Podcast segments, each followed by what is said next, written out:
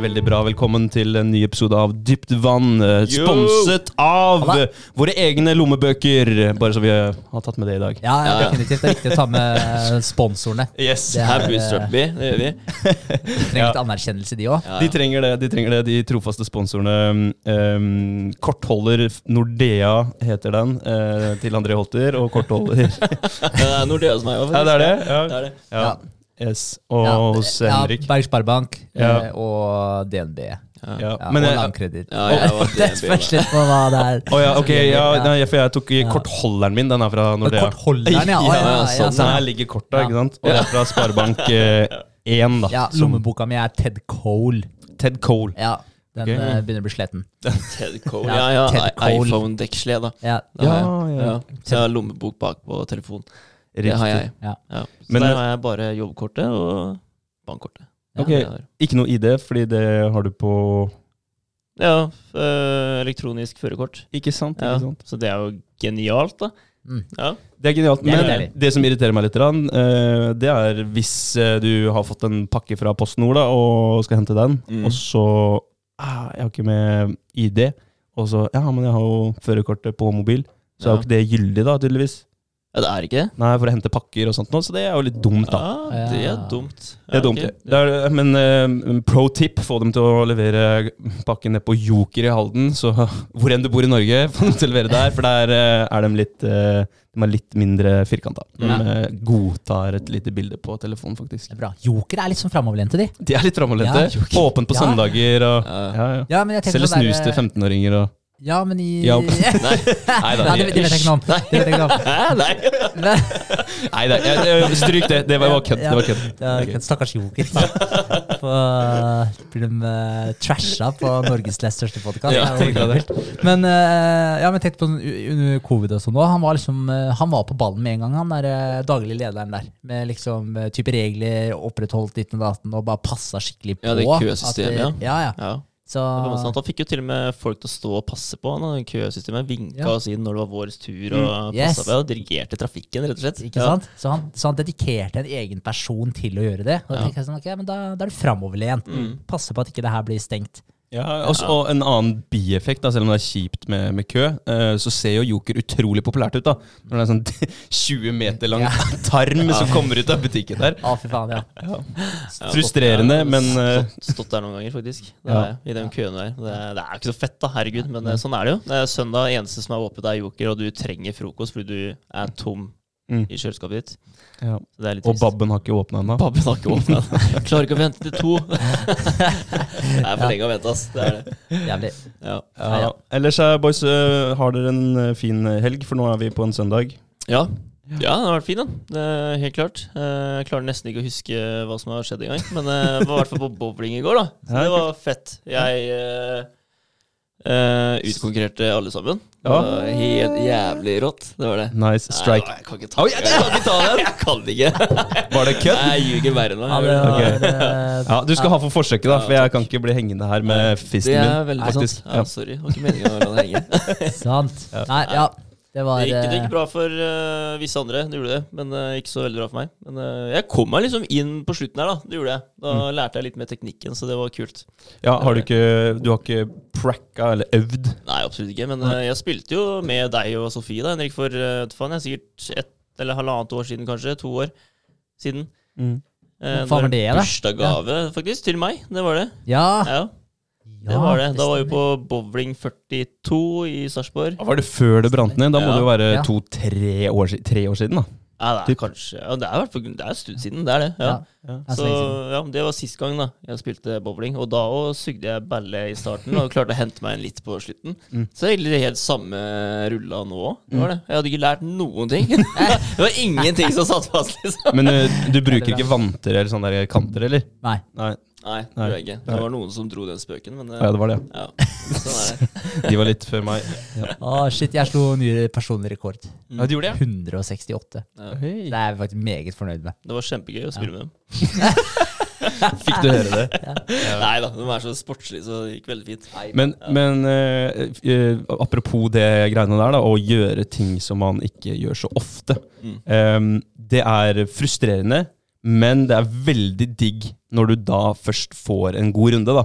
Det er, Det er sant. utrolig digg. Og hvis du har noen ålreite venner rundt deg da, så gir de deg skikkelig praise for akkurat den eh, gode runden. Ja. Så vokser du litt på den, og så holder du liksom mot opp, opp Ja. og sånt. For jeg spilte padel eh, for andre gang i hele mitt ja, liv. det har aldri prøvd. Nei, det, det er moro, altså. Ja. Kjempegøy. Jeg var med eh, Henrik, deg, eh, første gang Stemmer. på Gimle utendørs.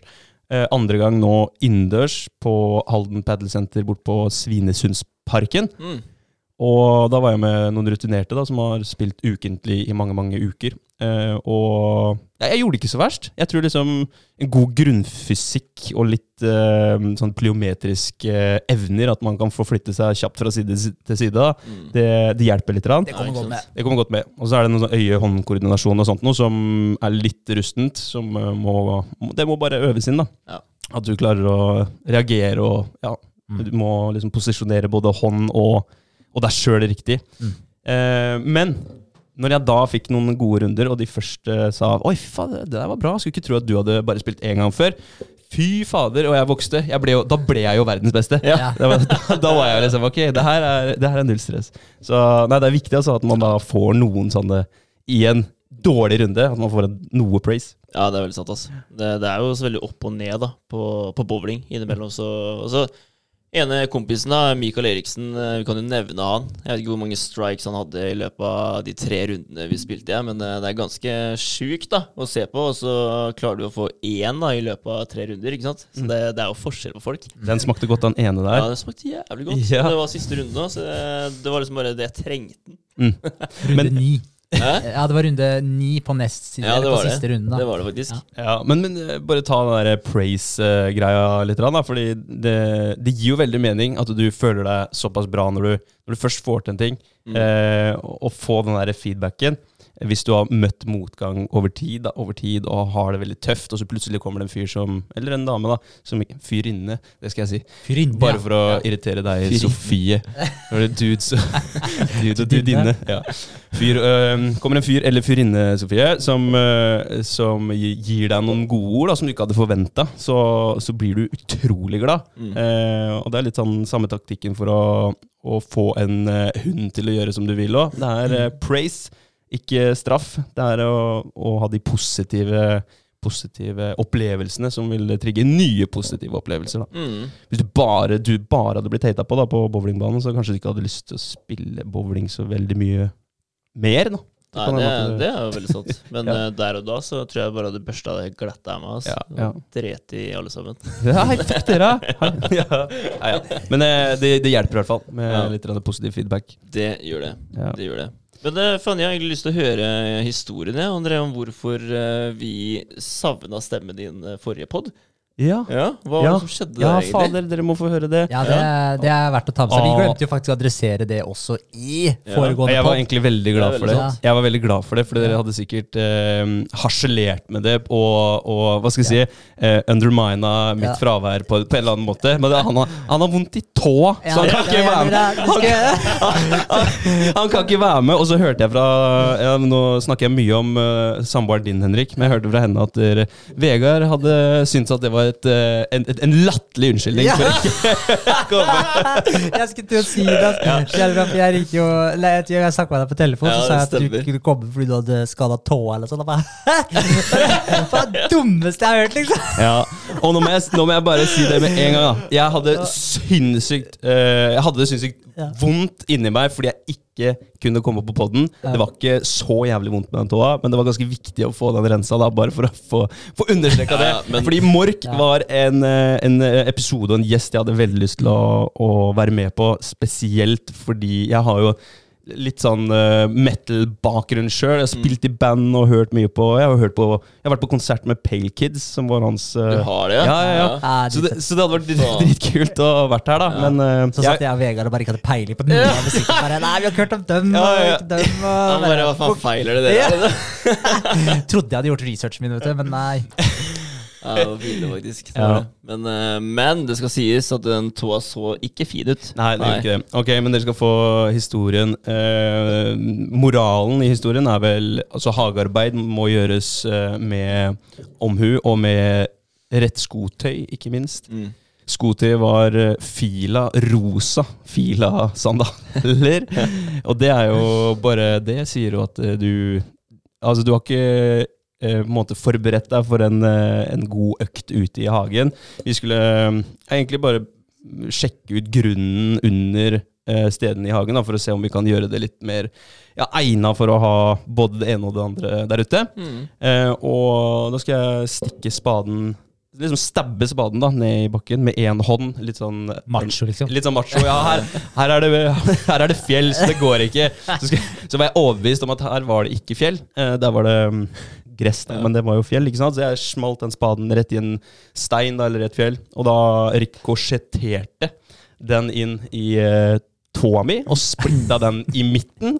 Og der, under den tåa så ligger det da masse gjørme og drit, ikke sant? Ah, ja. Og jeg titter ned, og jeg kjenner at det, Ok, eh, det gjør ikke vondt, men du vet når du ser på deg sjøl, du ser at du har skada deg, og du bare skjønner at det her er faktisk ikke Det er ikke noe piece of cake, det er ikke noe Nei. som går over i morgen, liksom. Nei, du bare faen å miste Ah, en to her, liksom. Ja, ja, ja, jeg tenkte med en gang nekrose, at den bare, den bare døde. Ja. Det mista stort. Og. Jeg tenkte på sant, alle timene jeg skal ha, jeg tenkte på løpinga som vi kanskje skal Ja. i gang med etter hvert. eh, Og jeg tenkte på ja, ikke sant, alt eh, sant nå, da. Um, og så Ja, så visste jeg egentlig ikke hva jeg skulle gjøre. Nei, Men Eh. hvordan reagerte du på det? her? Altså, Sto Kristin der, eller? Ja, hun sto, ved, hun sto ved siden av meg, og jeg reagerte vel med noe sånn som uh, en sånn, et sånt uh, Nesten sånn dødens sukk. Sånn derre «Ah, Nei! Ja. Sånn var det. Ja. Uh, og da skjønte hun at noe var gærent. da Mm. Så hun kom bort og så, så den tåa og sa at jeg tror vi må på legevakta. Ja. Og det er jeg veldig glad for at hun sa, for jeg tenkte at nei, vi tar den inn og så skyller den, men nei. Eh, for du må liksom løfte opp eh, negla og Ja, ja. liksom skrubbe da med en eller annen sånn børste. Og der er det jo Ah. ganske, det er et par nerver der. Ja, faen. Og negla di hadde jo blitt splitta midt på, Midt da. på, ja. ja.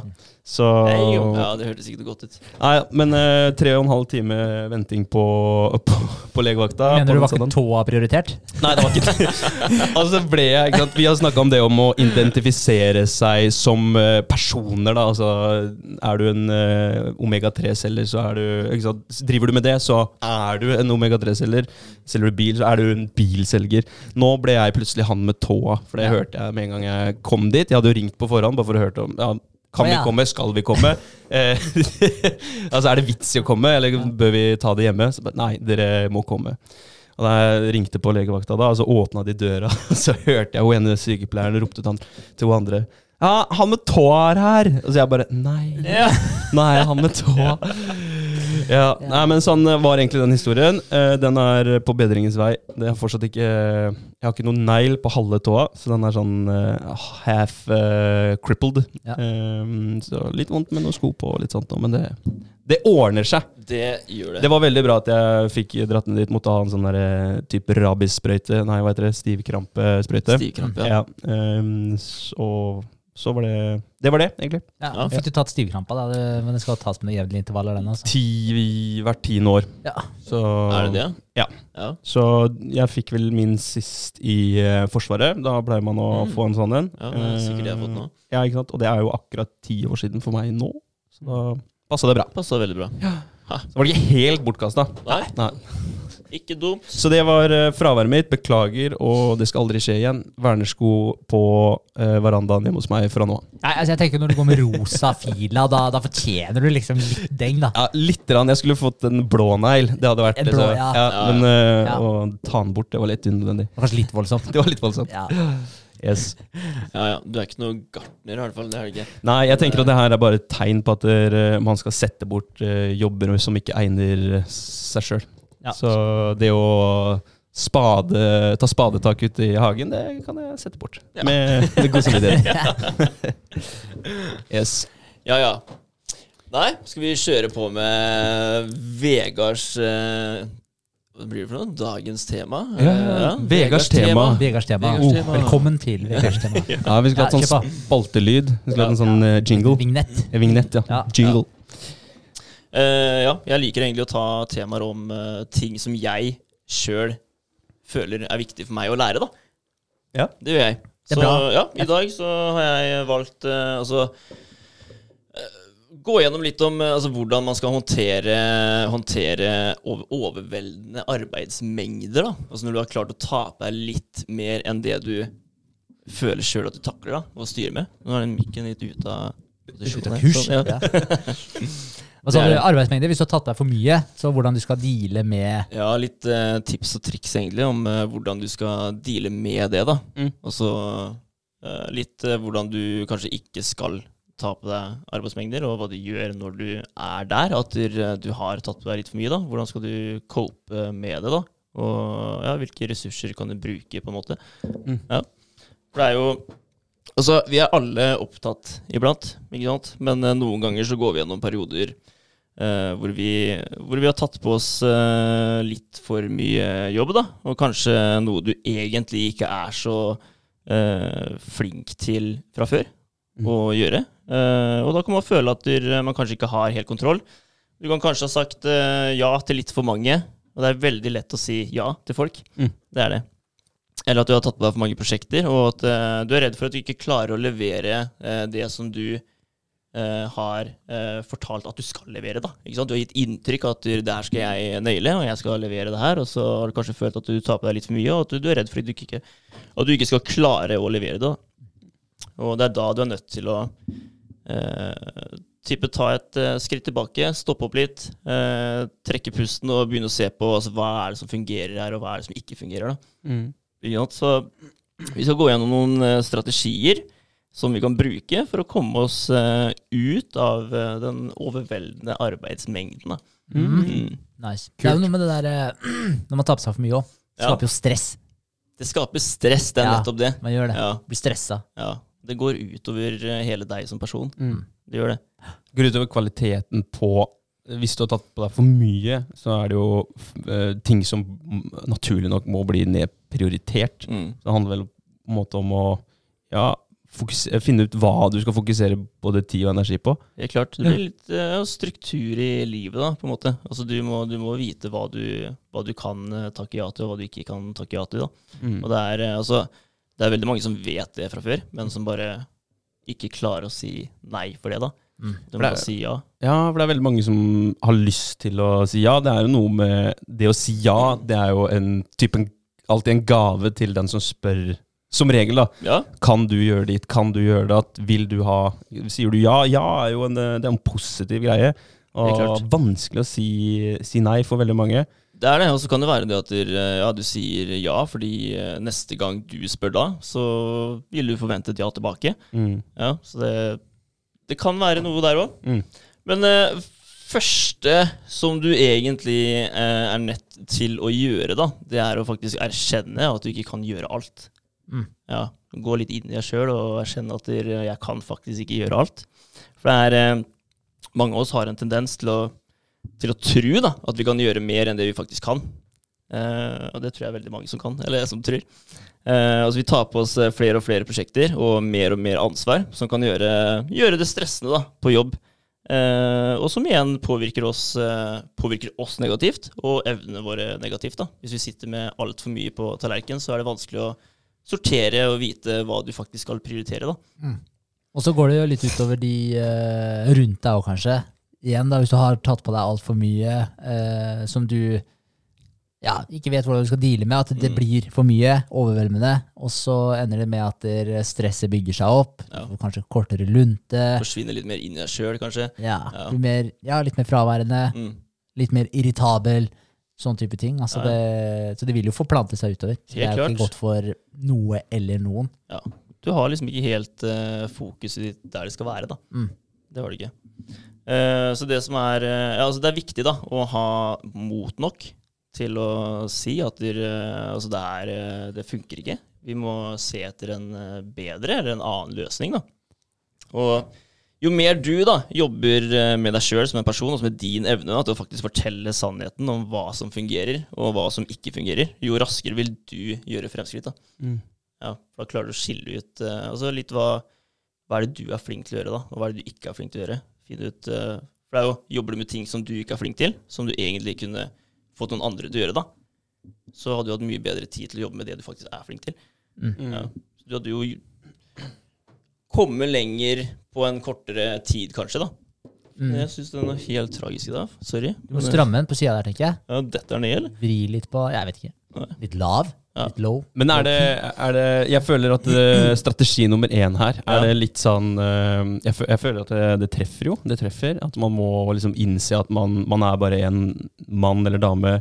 Man er bare og man har et spesialistområde. Man Mm. kan ikke være verdensmester i alt. Du kan ikke være en sprinter og en maratonløper samtidig, for det er jo altså spesielle muskelfibre som eh, hjelper deg som en sprinter, og omvendt. da. Men eh, nummer én her høres nesten litt ut som akkurat det samme som en alkoholiker, da. Ja. For, uh, som sin, sitt første steg. Uh, i, for der er det en sånn 12 step process. Når du skal på et AA-meeting, så er det Ja, første ja. er å er- erkjenne at det, hei, jeg er en alkoholiker. Så det er omtrent det samme her. Du må erkjenne at jeg har for mye å gjøre. Jeg har, jeg har et problem. Jeg har et problem. Ja, men det, det, er jo litt, eh, det er jo litt sånn. Ja, ja. Ja. Og så er det noe med det, det, det motet, da. Å faktisk eh, klare å si ifra. For det er eh, altså, Si en vanlig arbeidsplass, da. Du har en kontorjobb et eller annet sted, og sjefen din bare prakker mer og mer jobb ned på deg. da. Altså, egentlig, egentlig så sitter du i en stilling du som kunne vært eh, fordelt ut på tre personer. ikke sant? Og det, det er veldig typisk, si, si Nexas. da. Mm. Det er veldig typisk at det er en case eh, der hvor eh, du har veldig mye du skal gjøre. da. Mm. Uh, og har du, har du guts nok da til å si at Nei, stopp en halv, liksom. Det, er- det funker ikke. ass. Vi, vi må faktisk prioritere å få inn flere folk på et team her for å få løst det. da. Altså, Ikke bare fortere, men bedre òg, for det vil jo bli mindre stressende miljø. og ja, Kanskje man klarer å løse på en mye finere måte. Mm. Sikkerhetsmessig og Ja, Ja, ja for du, altså Enten kan du gjøre ti ting litt halvveis, eller så kan du gjøre fem ting veldig bra. ja. Uh, men det er, det er som du sier, det må faktisk gi sjefen din den beskjeden, Mm. og si sånn uh, at der, I hvert fall gjøre sjefen bevisst på at der, hvis du holdt jeg på å si, vil at jeg skal gjøre det her òg, ja. så kommer det andre her til å bli skyvd til sida. For jeg Ja. har ikke kapasitet til å gjøre begge deler. Det går an å gi den beskjeden også, bare bevisstgjøre den, for da blir, det sånn, da blir det faktisk en prioritering for sjefen din. ja. Og da har, du da har du gitt beskjed, da. Ja, Så hvis det skulle skje noe da, så, så vet du i hvert fall med deg sjøl at eh, du, jeg sa faktisk ifra om det her, Mm. og det var ditt valg å ikke gjøre noe mer med det. Mm. Så ja, shame on you, ass. Ja, Ja. ja. ja, for det er akkurat eh, Ja, men også, også hvis du sier ja òg, så, så er jo det litt eh, Det er, det er jo bare deg sjøl du skyter i benet. Ja, ja. Det er sånn hvis du sier ja, nei, men det kan jeg gjøre, og så sitter du etterpå og bare faen, det skulle jeg ikke sagt ja til. Og så, så er det bare sånn, men da forventer jo sjefen at du gjør det. Ja, Så, Helt klart. Helt så klart. liksom, eh, men hvis sjefen din vet at du har altfor mye å styre med allerede, og hvis du da bevisstgjør Mm. eh, den personen på at der, hvis du legger på meg denne tingen, og jeg kan gjøre det, men da må du bare vite at da går den tingen her ut til sida, da må jeg vente, nedprioritere den. Ja. Så er det sånn, da, ja, men da, er det, da er egentlig ansvaret over på sjefen din igjen, til å faktisk ta det valget. Ok, vil jeg at han skal gjøre det her, eller vil jeg at han skal gjøre den andre ting som jeg egentlig kanskje har bedt ham om tidligere? Mm. Så, så da fraskriver du deg det å ta det ansvaret. mm. Mm. Det kan jo være en, eh, en lur greie i stedet for å bare si nei, sorry, det kan jeg ikke gjøre. Altså, hva skal jeg si, Skape en forståelse hos den andre parten også. Ja, det er veldig sant. Mm. Mm. Ja, nei, det Ja. stemmer det, Også. Det er, ja, men det er bra. Det er akkurat sånn som uh, at ja er, et, er det der positive ordet, og nei er det der negative ordet. Så når sjefen din spør, og du sier nei, det kan jeg ikke gjøre, da, er det, da får du et sånn negativt uh, outlook, da, og han uh, tolker deg som en uh, naysayer, og kanskje som en drittsekk. Men hvis du sier ja, men bare vit at det, det kan hende at det ikke går så bra med de andre tinga jeg gjør, sånn som du sa, Henrik. Mm. Det er den derre ja-effekten. Ja, ja. Altså, det kan jo faktisk hende at du ikke kan noe spesielt om det, den jobben han gir deg. Så du er nødt til å lære deg det først. Ja, ikke sant? Du må ta med det, da, at, men okay, men eh, da vet du det at jeg er nødt til å faktisk sitte og lese meg opp på det greiene her før jeg begynner å gjøre noe. så det vil jo ta mye lengre tid. Så du velger en annen da, som faktisk kan det fra før. Ja, ja. Ja. Skape forståelse. Det er jo det man må gjøre i en sånn situasjon. Ja, Ja, Lurt. Men det er jo også positivt for deg, da, for da er du nødt til å sette deg ned og lære et eller annet. Det er jo, så det er jo både negativt og positivt eh, på alle sidene her, egentlig. Mm. Det er det. Definitivt. Ja. Men der er det kanskje også lettere å, å si ja til ting som man kanskje egentlig ikke kan. Også, fordi da er det jo igjen det der med å legge ego til uh, sides. Hvis Ja. du faktisk innrømmer at ja, men det her er en ting jeg ikke kan så godt, så her må jeg faktisk uh, bruke litt tid på å sette meg inn i det, lese meg opp litt. Mm. Og igjen skape den forståelsen. Det, det blir jo litt på samme måte, men uh, det tror jeg sikkert er veldig vanskelig for folk, inkludert meg sjøl. Mm. Det må faktisk bare si at det her kan jeg ikke. Ja. Ja, for det er, eh, den er kanskje litt vanskelig. Hvis, det er en, hvis du føler at det er en forventning fra den andre parten om at det her kan du, Mm. derfor spør jeg deg om det her, og så kommer du ja, men det her kan jeg ikke. Ja, ikke sant? Da må du eh, jobbe litt med ego. Mm. Ja, for du vil jo ikke skuffe arbeidsgiveren, da. Du vil jo ikke det. Nei. det nei, jeg skjønner hva du mener. Ja. Hm. Ja, litt å tenke på. Det er helt klart. Eh, neste punkt det er at du skal eh, fokusere på dine styrker.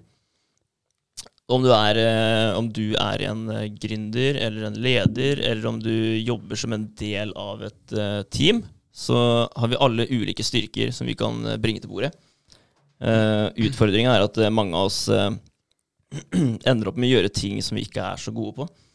Eh, så det er liksom det der, altså Under jakten på å nå målet ditt, da, eh, eller å levere et prosjekt, så ender vi ofte med å gjøre alt selv. Eller tar på, tar på oss ting som ikke spiller på våre unike styrker. da, Som igjen kan resultere i frustrasjon. Mm. Vi blir frustrerte fordi vi ikke helt forstår det. da, For det, det samspiller ikke helt med deg som person, da, rett og slett. Det er jo de eh, Når du er virkelig god på en ting òg, så har du litt med effektiviteten og hvor fort du klarer å gjøre en ting. Ja. Ja, så hvis du tar på deg alt sjøl, også de tinga som du ikke er god på, Mm. så vil jo det ta mye lengre tid, i stedet for at du gir det til noen som kan det. Det er bare å se hvis du holder på med dataprogram eller et eller annet sånt noe. Hvis, hvis du har en som kan det, freser du gjennom det. Hvis du skal sitte og lære deg hvordan du bruker programmet Mm. før du skal utføre jobben. Så eh, det er veldig lite hensiktsmessig. Ja, ja. Lite effektivt. En god leder er jo flink til å delegere oppgaver, Mm. og egentlig kjenne igjen egenskapene til dem man jobber sammen med. Det er så, veldig sant. Så det å, å være obs på og klar over det, og kunne eh, få folk til å gjøre jobben med den positive attituden, da, det er jo en supergod egenskap. Så hvis man da ser at vet du, du er jo flink til å ja, Ta et eksempel av prosjektere det, altså den neste jobben vår uh, som dere skal ha ute i ja, jeg vet ikke hvor jeg, Aserbajdsjan. Hører jeg at dere er ganske mye på ikke sant? Men uh, hvis du får vite det, at du, ja, du er jo faktisk ganske god på det, så har du mer lyst til å gjøre den jobben enn hvis du bare får den slengt i fanget ditt uh, sent en kveld og bare OK, workload er dobla, nå var det helga, liksom. Det er Sånn. Men det var kult i, i eh, Bridgewater, det der selskapet til han eh, Ray Dalio, det investeringsselskapet der, Bridgewater, der hadde de jo de korta, jeg mener jeg har nevnt det tidligere, hva? men der hadde de jo de der korta hvor de hadde sånn profiler på alle ansatte. Så alle hadde typ sånn, det vet sånn type fotballkort eller basketballkort når du har sånn eh, oversikt, du har et bilde, oversikt over skillsa til en person, nasjonalitet, og så liksom alt sånn der. Så de hadde et kort sånn som viser styrker og svakheter til den personen. Så hvis du skulle samarbeide med noen, så kunne du finne fram korta deres eh, før dere skulle starte prosjektet sammen. Og da kunne du vite, da, eh, vite da på forhånd at ok, Vegard er mer praktiker enn teoretiker, så, så da, ok, men da er jeg klar over det. Mm. Så da kan du på en måte ta hensyn til det i det samarbeidet her. Få blanda Så- det litt, da, så ikke blir alle, alle praktikerne, men eh, at du får, eh, får en god blanding, da, så alle kan litt. Det går jo også an. Ja. Så, ja. Men der har du litt med den forståelsen igjen, da, i forhold til å forstå hvem er det som er gode på hva, og faktisk eh, klare å delegere oppgaver deretter. Ja. Det er jo derfor man har eh, forsvarsspillere, midtbanespillere og angrepsspillere i et fotballag, f.eks.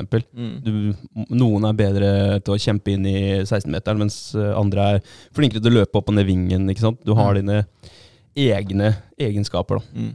Ja. Så er det jo forskjell på, forskjell på folk sånn generelt, da, altså hvor lett du tar ting. Mm. Altså, du, kan jo, du kan jo vokse opp da, som en type Ja, som barn, da, at du har spilt mye. Mm. Og så Da er du jo automatisk kjent med, med mer kjent med en PC, da, eksempel, Mm. enn en, en som ikke har gjort det. Og får du en oppgave som eh, har noe som helst med PC å gjøre da, så vil du mest sannsynlig graspe den oppgaven enklere enn den personen som ikke har vært så mye borti det. Mm. Det vil du jo. Så det Nei, det er mye Hva skal jeg si? Altså, vi er såpass forskjellige, da, alle sammen. Så det er, liksom, det er vanskelig å klare å, som en leder da, å se hvilke styrker og hvilke svakheter er det den personen. Så de korta der likte jeg faktisk. Jeg syns jeg var smart. Ja, Mm. Ja. Det som er litt interessant med de korta, eh, det er eh, at der, eh, når de ble introdusert i firmaet, Mm. så var alle, nesten alle, var veldig veldig imot det. For de følte at det, det bare var sånn De ble profilerte. altså Det var liksom sånn, altså det ble skapt en profil på dem, og de bare likte ikke det. At du liksom nesten skulle få nesten som en scorecard på hvem du var. Eh, Så, så de likte ikke det i det hele tatt. Men med en gang de hadde implementert det, begynt å benytte seg av det, så så alle sammen nytteverdien av det, og, og likte det veldig, veldig godt. ja, ikke sant? Mm. Kult. Ja, ja, men uh, uansett, da, så det kjekt. eh, skulle det komme noen andre utenifra også, da, og se hvem du er som person, så står det sikkert uh, stillingen din først, og så eh, hva du er flink til etterpå. Så det er veldig enkelt å lete fram riktig person. Da. Det er det jo. Sånn, ja. Greit. Neste punkt er eh, bruk styrkene til teamet ditt. Mm. Ikke dine egne, men teamet ditt. Uh, og en av de enkleste måtene å endre arbeidsmengden din på, det er å frigjøre tid. Mm. Ja, så du, til, så du kan komme til hvert prosjekt, eller sette deg ned med enhver oppgave hvor du har den energien du trenger, da. Og fokuset ditt på plass. Eh, så da er, vi liksom, da er vi litt på delegering, da. Enten delegere arbeid, eller det å faktisk eh, skape bra teamwork, da Mm. med andre, og forstå styrkene til de du faktisk er med. da. Og det er sånn, også, Hvordan faen skal man gjøre det, egentlig? Det jo, da må man nesten ha en sånn type Det er veldig mange bedrifter som har eh, har sånne bli kjent-oppgaver, Mm. hvor de åpner seg på et ganske ekstremt nivå. De forteller eh, alt ubehagelig om seg sjøl, men eh, det gjør jo at alle kjenner deg da, som person. Mm. Og det, det har blitt veldig vanlig blant eh, bedrifter å gjøre i dag. Mm. Det, det er en kul greie. Det er litt sånn som vi gjorde den gangen, Berger. Den why-oppgaven vi tok. Ja. setningen deres. Ja. Ja. Det er en kul øvelse. ja, da åpna vi oss ganske mye. Det er eh, litt steget videre fra en tradisjonell sånn teambuilding-helg, liksom. Ja. Eh, At du ikke bare har noen sånne praktiske oppgaver som skal lø løse sammen, men det er Mm. faktisk sette seg ned og digg deep i eh, din egen personlighet. Ja, ja. Altså, jeg vet om eh, folk som har stått og grått foran alle sammen, liksom, men som har fortalt, fortalt eh, Mm. ting om seg sjøl. Mm. Som har vært eh, et følsomt tema, liksom, men gjort det fordi alle skal skjønne hvor det er du kommer fra, da. Mm. Ja. Så det, det er jo helt klart positivt, på én måte. For da du, du lærer å kjenne teamet ditt på et helt annet nivå da, enn det du ville gjort ellers. Ja, Mm. for, det er jo på en måte ekte. Ja. Det er ikke så overfladisk. Ofte så føler jeg at der, sånne type ting kan bli litt overfladisk. Ja, ja, teambuilding, det er fint det, men hvis du skal ut og, ut og jeg vet da, fader, jeg løser løse en sånn praktisk oppgave sammen. Mm. Ja, man får hengt litt, man får prata litt, man får hatt litt gøy sammen. Men, men det er jo på et overfladisk plan, Mm. sånn uansett hvordan man vrir og vender på det. Ja. Det her, Vi snakker jo mye dypere, et mye dypere, dypere plan. Det er mye dypere. Ja, Det er helt klart. ja, ja. Ja. Og så vil det, jo, vil det jo ende med, da, til syvende og sist, så vil det jo bare styrke deg, og det vil styrke de rundt deg òg. Om du er i et team, eller om du er lederen, eller hva det skal være, så, så styrker det alle parter da, Mm. å gjøre noe sånt, og faktisk bli kjent med de, og skjønne styrkene deres, og ja, klare å delegere på en riktig måte. da. Fordi du kan jo være en person som sitter her og delegerer en jobb til en annen, og så passer jo ikke den jobben til den personen i hele tatt. Du kunne bare valgt han, og så hadde han løst det så enkelt da, Mm. i forhold. Så det er jo Ja, du må lære deg å kjenne mennesker, da. Det, det er ikke en enkel uh, greie, det heller. Men det må jo også være et, uh, en litt sånn spesiell uh, greie. Hvis man skal Skal man dele så mye med sjefen sin? Skal man komme så nært sjefen sin? Er det riktig, eller er det, er det på en måte en grense? Skal man sette en grense på en måte et sted der? Det er taushetsplikt. Så hvis han bryter den, så er det bare rett inn. Ja. Nei, men det, er, det er et poeng, det, for det er jo faktisk en, det er jo en fin linje her òg. Du skal, skal ikke fortelle dine innerste, mørkeste hemmeligheter til sjefen din. Så åpenbart ikke, liksom. Nei, Så alle har jo noen svin på skogen som du kanskje eh, kan være mange år siden. Alle har gjort ting de angrer på. Det er jo ikke sånn at du Jeg, jeg tror ikke det er fordelaktig om man bare skulle spydd ut alt, da. Så, Nei. så, Så- det, men jeg regner med at de der teambuilding-øvelsene der, de er lagt opp på en, eh, på en måte som ikke eksponerer alle dine verste sider, men kanskje bare sånn Litt sånn som den Find Your Why, kanskje. Ja, ja. At du kommer til kjernen av hvem du er. Ja. Mm. Det er at du, du blir nesten opplyst mens du gjør det, da. Mm. Og du bare Ok, nå fant jeg faktisk ut en ting om meg sjøl som ikke jeg visste fra før, og det gjorde jeg foran alle dere. Ja. ja, Så det kan bli en spesiell opplevelse. Mm. Ja. Det tror jeg. Ja, det er heftig. Ja. Rått. Yep. Um, ta deg tid til planlegging. Det er uh, noe alle trenger å bli flinkere til. Og det å faktisk planlegge. Liten quote fra Abraham Lincoln. Nå kommer engelsken her. Give me six hours to chop down the tree, and I will spend the first four sharpening the axe. Ikke sant? Ja. Ja. Så det å gjøre seg klar, da. Ja, ikke sant. Én time planlegging kan spare deg for mye tid senere. Det kan det, det har vi opplevd alle sammen. Det å bare hive seg ut i noe uten å faktisk eh, tenke på hvilke veier eh, ting kan gå, og hva vi faktisk burde gjøre før vi starter, da. Mm. Det, det har vi gjort alle sammen. Og vi har opplevd det, og vi vet at det, det å faktisk sette seg ned og planlegge og få en struktur, det er utrolig viktig. Både i form av startups og i form av den podkasten her. Vi har jo gått på noen smeller eh, ikke sånn overalt. Form Ja, av alt, egentlig. Altså, jeg Ja. føler at de, de punktene her, det, det, det, passer, det passer for eh, startups, det passer for ledere, det passer for deg som Ja, uansett hva som helst, egentlig. Privatperson. Ja, ja. Mm. Alt. Ja, jeg, tenkte, jeg satt der og tenkte faen, er det, er det et tema, eller er det en intervention her nå? oh, ok, Ja. ja. For, eh, ja. men, men det med planlegging det er jo nøkkel. Altså, jeg merker jo med en gang jeg planlegger bra, Mm. hvor mye mer effektiv jeg er. Eh, bare, bare det med å planlegge arbeidsoppgavene. Hva er det jeg skal gjøre dagen etter? Mm. Hvis jeg har det klart for meg, så er det ok, med en gang jeg er klar til å sette meg i jobbe, så, så vet jeg. Det er bare å bla opp og starte akkurat der. Ja, I stedet for å sette seg ned da, og så begynne å finne ut hva du skal gjøre. Og så må du begynne å recappe alt du egentlig har på agendaen, og så må du prioritere osv. Nei, nei, vi gjør prioriteringa di først, og så vet du nøyaktig hva du skal gjøre. Mm. Så, men, det, men det gjelder det aller, aller meste. Og ikke minst da, når du planlegger ting. Ja. Du får det ut av huet. For den er altså. også jævlig viktig. Ja. Eh, Det med eh, bare å skrive ned ting i kalenderen. For da slipper du å gå og huske på det. Ja. Og det, det er også Tar opp unødvendig plass. Ja, men det gjør det. Ja. Men da havner du med det. ikke sant? Du blir, du blir stressa, for det er mye du skal huske på. Og Mm. så kommer det masse input fra ja, samboer, hva enn det skulle være, da, som du også må huske på. ikke sant? Så det, det blir jo bare kaos oppi her. Ja. Det er jo det det blir. Og det ene med at du blir stressa, du blir frustrert, og ja, du får en kort lunte. Mm. Ja, så det, det er måter der ute å få rydda opp i skallen og ja, takle hverdagen bedre. Ja. Mm. Det er det. Helt klart.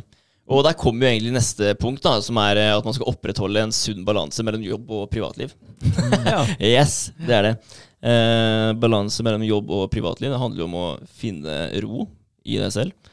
Eh, for å være fullt til stede, da, eh, uansett hva du gjør. Så om det er på jobb eller om det er hjemme eller hva det skal være, så ja, bare være klar. da. Og det er som du sier, da, Berger, det med kalender Du er jo veldig flink til det. Altså, det er flere av de punktene her når jeg satt og holdt på med og tenkte at du, Men Berge er jo flink til det her alt. Jeg kan bli bedre, Ja, ja. Men det å ha en kalender og føre hva du skal gjøre dag til dag, og ha en kontroll eller struktur på det, da, og bare vite at når kvelden har kommet, og du kan sette deg ned og glo en film eller hva det skal være sammen med samboeren, da, og bare vite at du, jeg er faktisk ferdig med alt jeg skal gjøre den dagen her. Mm. Det er ikke noe mer som henger, henger over meg, da. Ikke sant? Og da slipper, du, da slipper du den der indre uroen, da. Mm. Ja. Ja. Det er, så, det er så viktig det du sier der. Altså, Jim eh, Rohn han sa jo også det. Altså, når du er på jobb, vær på jobb. Når du er med familien, vær med familien. Mm. Ikke, ikke bland jobben inn i familien. Ikke bland familien inn i jobb. Altså, altså Hold deg til det du driver med. Og, Ja. det, er, og det er et godt tips, Mm. fordi da er du til stede. Du er i nuet, du holder på med det du skal holde på med. Ja. Du er effektiv. Da slipper du å ha halve huet ditt et eller annet sted, og så gjør du en sånn halvveis innsats på det du holder på med der og da. Ja. Det. Men, det, men da er det igjen, da. Gjør deg ferdig med de oppgavene du må, sånn at du kan ta deg fri fra det med god samvittighet. Mm. Da slipper du å drive og tenke på det. Og bare slå deg til ro med at ok, men da tar du de neste oppgavene. De tar du i morgen. Så kan du slappe av resten av den dagen, hvis det er det som er eh, jeg vet ikke, planen din. Ja. Mm. Ja. Jeg må også si da at det, skal jeg si, noen ting du driver med, spesielt hvis det er gjennom uh, telefon, jobb gjennom telefon, altså det kan, det kan fucke litt med deg. Akkurat den der med å klare å skille mellom eh, jobb og privatliv. Det er så enkelt å bli avhengig av eh, telefon, og du bare kjenner vibrasjon. Du sitter i sofaen og ser på TV, du tar opp telefonen, og det er et eller annet som uh, kommer opp, da, som er, uh, som er med jobben din å gjøre. Det er, eh, det er vanskelig å legge ned den uten å faktisk finne ut hva det er, eller kanskje det er en mulighet for deg da, for et eller annet. Mm. Så du, du tar opp den og svarer, da. Altså, det er noen ting som er vanskeligere enn andre.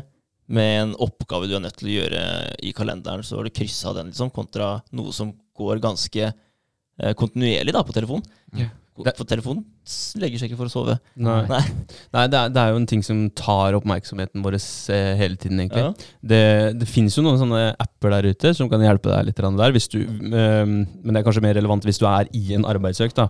Eh, for det er jo ofte det skjer med oss alle sikkert, at du sitter eh, har sittet et kvarter, og så plutselig så kommer det en mail eller en melding, og så Mm. tar du, flytter du fokuset fra det du holder på med, til den meldingen, og da er du, da er du ute av det. Ja, ja. Da har du mista den fine flyten din, og så ja, da var du inne på den mailen. Den mailen brakte deg videre til en eller annen link. Den linken brakte deg videre til andre ideer, og så begynte du å spore helt av.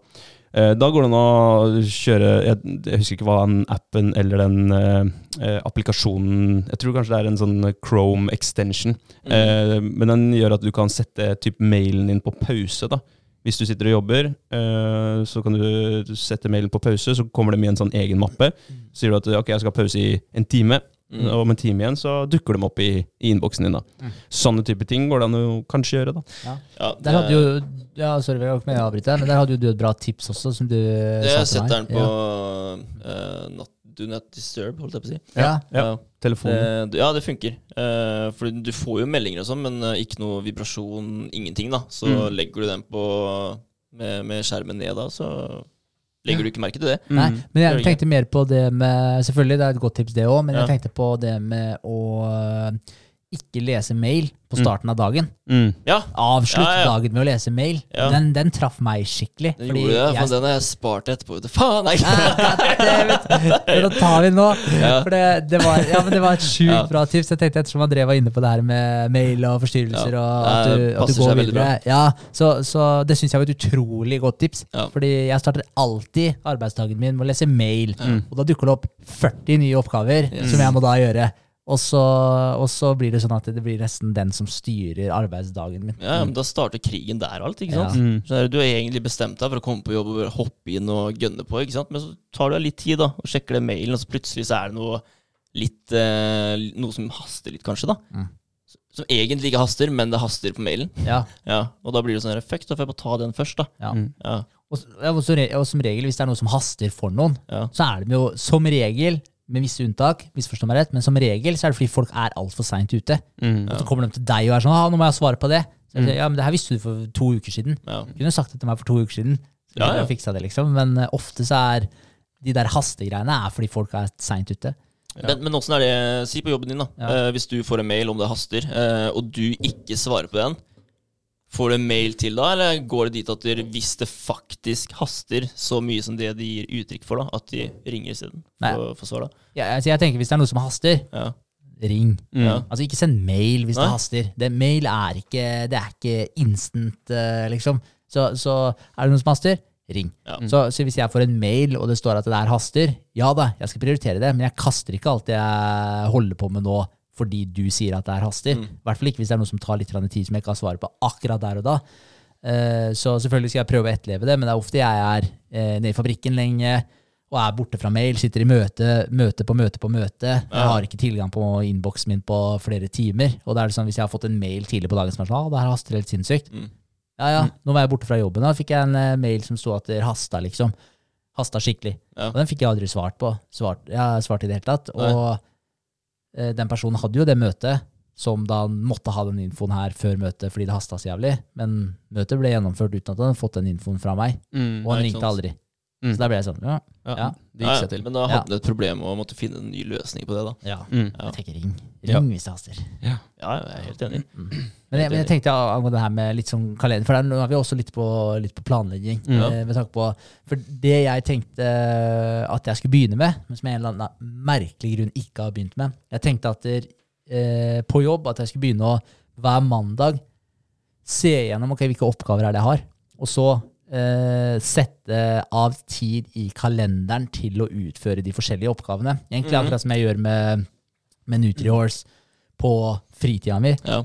Sette av det er det jeg skal jobbe med da, det er det jeg skal jobbe med da. Eh, gjøre det samme på, på Nexans. Eh, hvorfor ikke? Og det er jo sånn her, fordi når jeg kommer på jobb på mandagen, hvis folk ikke har klart å Altså, jeg mener, jeg, jeg, det er min personlige mening. Selvfølgelig, det, igjen, det fins unntak. Det er ingenting som er helt svart på hvitt. Det fins unntak. Men generelt sett, når mandagen kommer, så er det ingen møter, noen nye møter, som må tas i løpet av uka. Som regel så vet man i hvert fall en uke i forkant om et møte som du trenger å ha. Mm.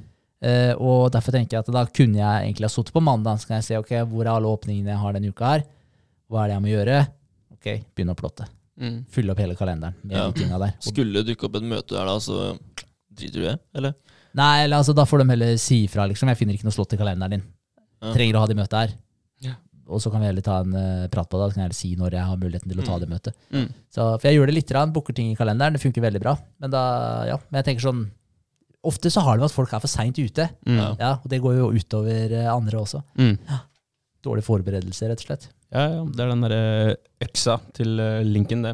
Ja, det er det. Gjør den skarp før Ja. du begynner å hogge. Det er veldig sant. Det er veldig sant. Uh, neste, det er stopp multitasking. Mm. Ja. Single tasking. Yes! Ja. Eh, altså Multitasking det er en myte. Sorry, damer. For det går ikke? Nei, det går ikke. Altså Hjernen din kan ikke fungere eh, effektivt da Mm. eh, når du gjør mer enn én ting som krever fokusert oppmerksomhet. Du klarer ikke å fokusere ordentlig da på flere enn én ting. Det, det gjør du ikke. Ferdig snakka. Så det er eh, altså få deg en eh, liste, en kalender med prioriteringer. Gjør det viktigste først, og jobb deg nedover listen. Det er egentlig det vi har prata om eh, i forkanten her. Mm. Det er det. Men ja. Men den liker jeg veldig godt. Det er den derre um, Eat Live Frogs. Eat live frogs. Ja. Um, okay. Begynn med de verste casene først. Så spis de der forbanna levende froskene før du går på den deilige desserten. da. Mm. Fordi eh, det er ofte et issue hvis det er en annen vanskelig oppgave, eller en eller annen sykt frustrert person. da, Si den mailen som det sto 'haster' og så masse utropstegn og, og sånt noe. Eh, og det er, en, det er en sånn ting du ikke har lyst til å deale med, men bli ferdig med det. Og så kan du begynne på de eh, litt mindre stressende, krevende oppgavene utover dagen. da. Ja. For det er tidlig på dagen, da har du mest overskudd. Og det her, hvis det er noe som skikkelig plager deg, så vil du jo trekke oppmerksomheten din bort fra oppgavene dine gjennom hele dagen. Mm. Den er ganske fin, den der. så Og det er jo ja, Eat live frogs. Ja, ja. Ja. Jeg satte opp et punkt, eh, og det er jo egentlig noe vi snakka om, men eh, det, er ikke, det skader ikke å nevne ting flere ganger. Det gjør det ikke. For det er, altså, hvis du setter opp tider for når du skal gjøre de forskjellige oppgavene eller forpliktelsene dine, så vil du ikke føle deg overveldet over at du må gjøre mye. Ok, ja. Og det er jo kalendersystemet, det, da. Sette, Gå gjennom uka, sette hva du skal gjøre de forskjellige tidene, og ha en struktur på det. Da Mm. Ja, Da kan du ha mye å gjøre, da, men du slipper å ha dem inn i hodet ditt eh, hele uka. Da Mm. ja, Da er det på en skjerm foran deg, du kan huke av det du er ferdig med, og så går du derfra. Men det er utrolig hvor mye planlegging, kalender hvor, Altså hvor mye de tinga er Eller hva skal jeg si, den ene tingen, for det er jo egentlig én ting. Hvor mye det hjelper på så mange forskjellige aspekter. Det er jo helt sykt. Det hjelper på stressnivå, det hjelper deg å gjøre deg mer organisert, det gjør deg mer effektiv. Det er, det, altså, det er så sinnssykt mange punkter, Forutsigbarhet i eh, forholdet ditt også, da. ikke minst. Ja, så vet eh, madammen hva, hvor du er, eller eh, den du bor sammen med. da. Ja. Ja, det er veldig sant. Det er det. Men det, det er så rart at, du, at det skal være så vanskelig da, for folk å ta, i bruk, å ta det i bruk. Altså, det er vanskelig for meg òg. Mm, Jeg synes det er vanskelig. Du, fordi du skal faktisk sette deg ned og bruke tid på å fylle ut en kalender. ikke sant? Mm. Med oppgaver du skal gjøre fremover i tid. Og, det er og, og, og der òg må Der må du liksom erkjenne med deg selv da, at du, du klarer ikke alt. Ja. Ikke? Du klarer ikke å ha den strukturen i hodet ditt til husker alt sammen. Der er du inne på noe. Du Ja. har den der ego som du må sette til side. Du, du må faktisk erkjenne at Ja. du ikke Altså Uten den kalenderfunksjonen så klarer ikke jeg å få til alt jeg skal gjøre. Samtidig da som du må bare innse at det, det å sette seg ned på søndag kveld og planlegge neste uke, det er ikke bortkasta tid. Absolutt For det er jo det man kanskje kjenner på, da. At ok, søndag kveld, nå frister det å bare slappe av litt Mm. i sofaen, og så Nei, nå må jeg egentlig sette meg ned med PC-en eller med telefonen og plotte inn. Ah, men da, da kaster jeg jo bort eh, tida på det, da. Ja. Tvert imot. ja, men det, det er veldig sant. Altså, Ja. du, du, det gjør jo at du kan spare mye tid uka fram eh, Eller uka som kommer, da. Ja. Men, men, ja, men jeg tror ikke folk vil. Altså, jeg, jeg tror det er det som er mye av problemet. Jeg tror Ja. ikke folk har lyst innerst inne. Fordi hvis du lager en kalender for deg sjøl, åpenbart så er det det beste for deg, for framtida di, for de rundt deg. Åpenbart så er det jo det. Eh, på grunn av alle de grunnene som vi har lista opp her, pluss mange flere. Men det er enda en Eh, forpliktelse. Ja, men det er akkurat det. Altså, Mm. Du committer jo. Ja. Og da, da, da er ikke den timeplanen din lenger svevende. Så det betyr at hvis det står en ting i den timeplanen din som du har sagt sjøl at du skal gjøre, da kan du ikke sitte på dass og scrolle Instagram i 20 minutter. Da. Da, da kan du ikke legge deg på sofaen og se spontant på en eller annen eh, episode på en TV-serie. Da kan du ikke bruke halvannen time på middagen din fordi du skulle skvise inn en, eh, en episode av en eller annen TV-serie i samme slengen. Det, det, det funker ikke lenger. Så da du forplikter deg. Og jeg tror det er den forpliktelsen der som Mm. gjør at veldig mange ikke gidder å sette opp en kalender. Og da er det lett å si Nei, hva skal jeg med kalender, liksom? Jeg trenger ikke det og ditt og datten. Nei, nei, men det er commitment. Det er Mm. forpliktelse. Jeg Mm. tror det er derfor veldig mange skyr å sette opp den kalenderen. Mm. Hvis jeg sitter eh, mer enn ti minutter på do, så får jeg som regel en SMS fra Kristin så, hvor det står 'analprolaps!' utropstegn, utropstegn, utropstegn. Så da, da bare avslutter jeg Oi, dæven! Avslutter jeg uh, dooppholdet, holdt jeg på å si. Altså. Ok, jeg tar den, Kristin. Jeg tar den. Jævlig bra. Men er det ikke litt rart at eh, det å være den beste versjonen av seg sjøl er skummelt for andre, da? Jo. Ja. Mm.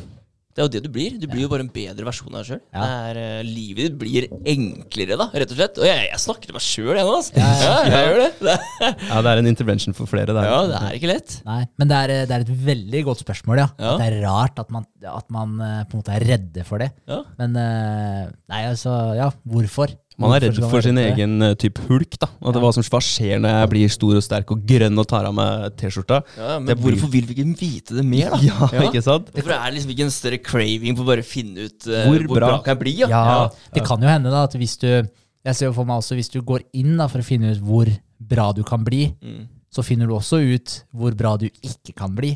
Oh. Mm. Så det kan hende det har noe med det å gjøre òg. At det er lettere å leve i den eh, hva skal, jeg si, i uvissheten. Fordi Ja. du har ikke tatt stilling til det. For med en gang du tar stilling til det, da får du svaret også. Ja, det. Men da har du igjen den mm, svart-hvitt-tankegangen. da Så enten må du bli dritbra, eller eh, ikke bra i det hele tatt. Men det er jo noen midt i Det blir jo i hvert fall bedre. Definitivt. Ja. Ja, ja, Ja, ja. definitivt. Ja. Men, kanskje, ja, men kanskje det er liksom jeg, For jeg er helt enig. Du, du har jo Uansett blir du bedre, Mm. men kanskje du Kanskje du Du har ikke noen unnskyldning lenger Mm. for å ikke Nei. ha kommet så langt som du kanskje kunne ønske at du kom. Om det gir mening. Mm. Da har du deg sjøl å skylde på. Eller du kan selvfølgelig ta på deg den offerhatten og skylde på alt og alle andre, Mm. men, men du fikk det ikke til.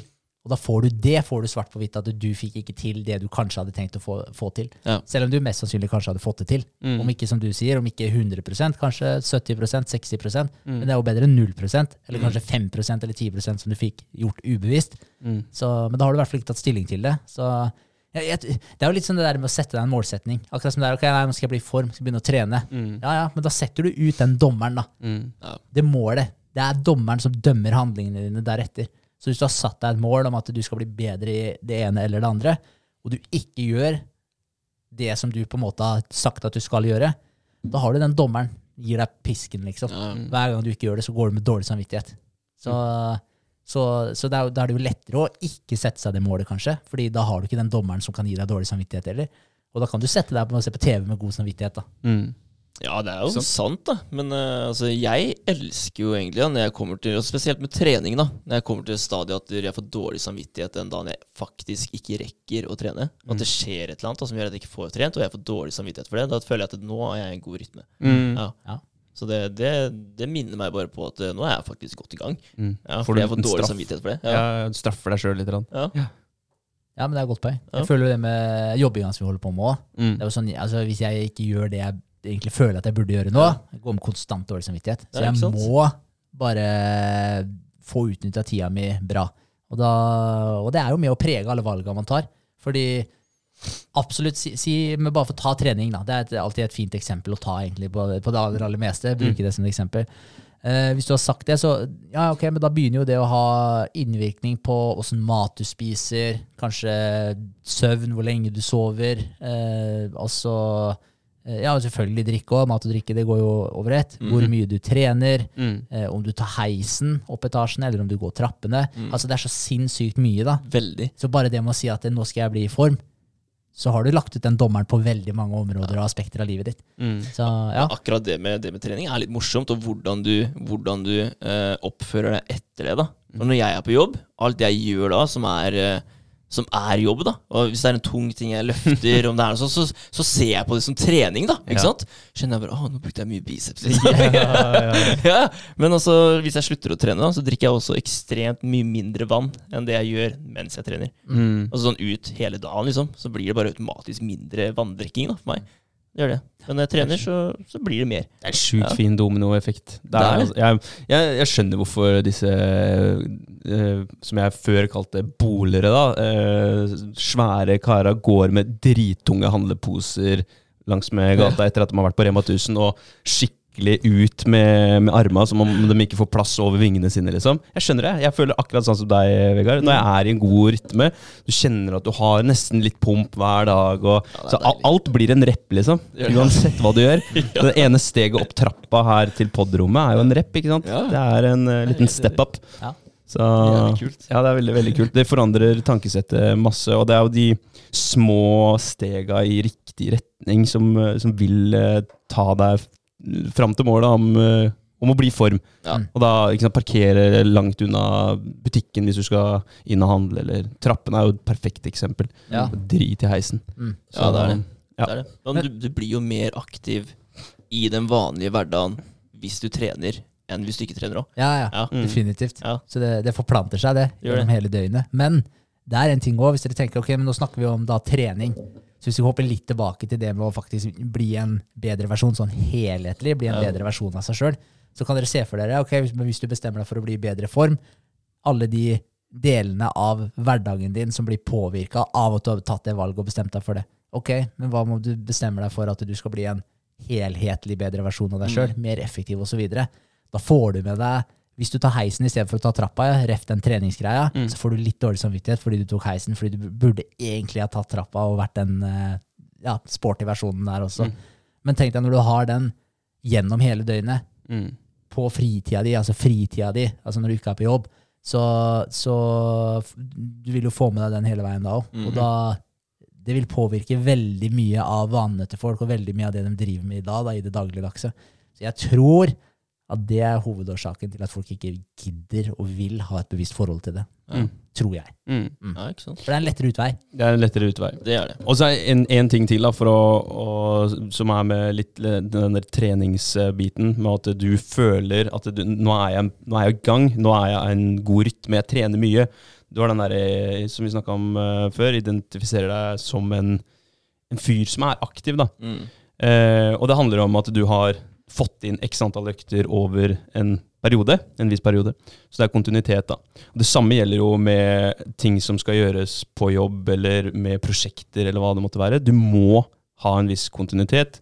Og da er det Jerry Seinfeld sa det om øh, hans arbeidsmetode. Det er øh, noe som heter 'don't break the chain'. Og det er akkurat det der. Han skrev en joke, minst én joke, hver eneste dag. Og da, da bryter han ikke kjeden. Nei, da er han i flowen, da. Da er han i flowen. Ja. ikke sant? Han har den der rytmen i hverdagen. Han jobber kontinuerlig. Hjula på det der lokomotivet det går rundt hele tiden. De stopper ikke opp og blir rustne og jævlig. ikke sant? Og Det samme er det med, med trening. Ja, ja. Gjør noe i hver eneste uke. Istedenfor å, å få den der eh, knekken da, når du har hatt en fyllehelg, og så går den fyllehelga blir jo til en fylleuke, egentlig, fordi du er så redusert mandag og tirsdag. så Nei, jeg har spist junk i helga, så jeg dropper å trene og trenger jo ikke det nå. Ja, ja. Ja. Men det snakka vi om i går. Ja. Er, jeg jeg syns det er så utrolig rart. At det, du, kan, du kan si det er to uker da hvor du bare har jobba konstant. Du har hatt en skikkelig bra flow. Liksom. Du føler deg bra. Alt er bra, da. Mm. Og så kommer helga. Så stikker du ut og drikker, og du skal liksom bare rewarde deg sjøl med, med å bli dårlig dagen etterpå, og bryter hele den chainen. da Ja. Ja, Det er helt sjukt. Det er helt bakvendt. Don't fordi- break the chain. Ja, for det, for det, ja, for det snakker vi også om i forhold til det her med si kosthold. Da. Hvis du skal gå ned i vekt, eller du skal være strikt med kostholdet ditt, så er det sånn Å, nå har jeg vært så sjukt flink med kostholdet mitt i to-tre uker, så nå kan jeg spise is Mm. for å gi meg sjøl en reward. Så er det sånn, men hør hva du sier. Jeg. Du sier at du har lyst til å gjøre en ting og liksom spise sunt og bli bedre, og så skal du rewarde deg sjøl med den tingen Ja. som fucker opp for det du prøver å nå. Det er jo helt jævlig skrudd. Ja, når man det er, tenker ba sånn på det er bakvendt. Ja, Men det er jo den typiske cheat dayen, er det ikke? Jo. Eller, ja. Ja, ja. Ja.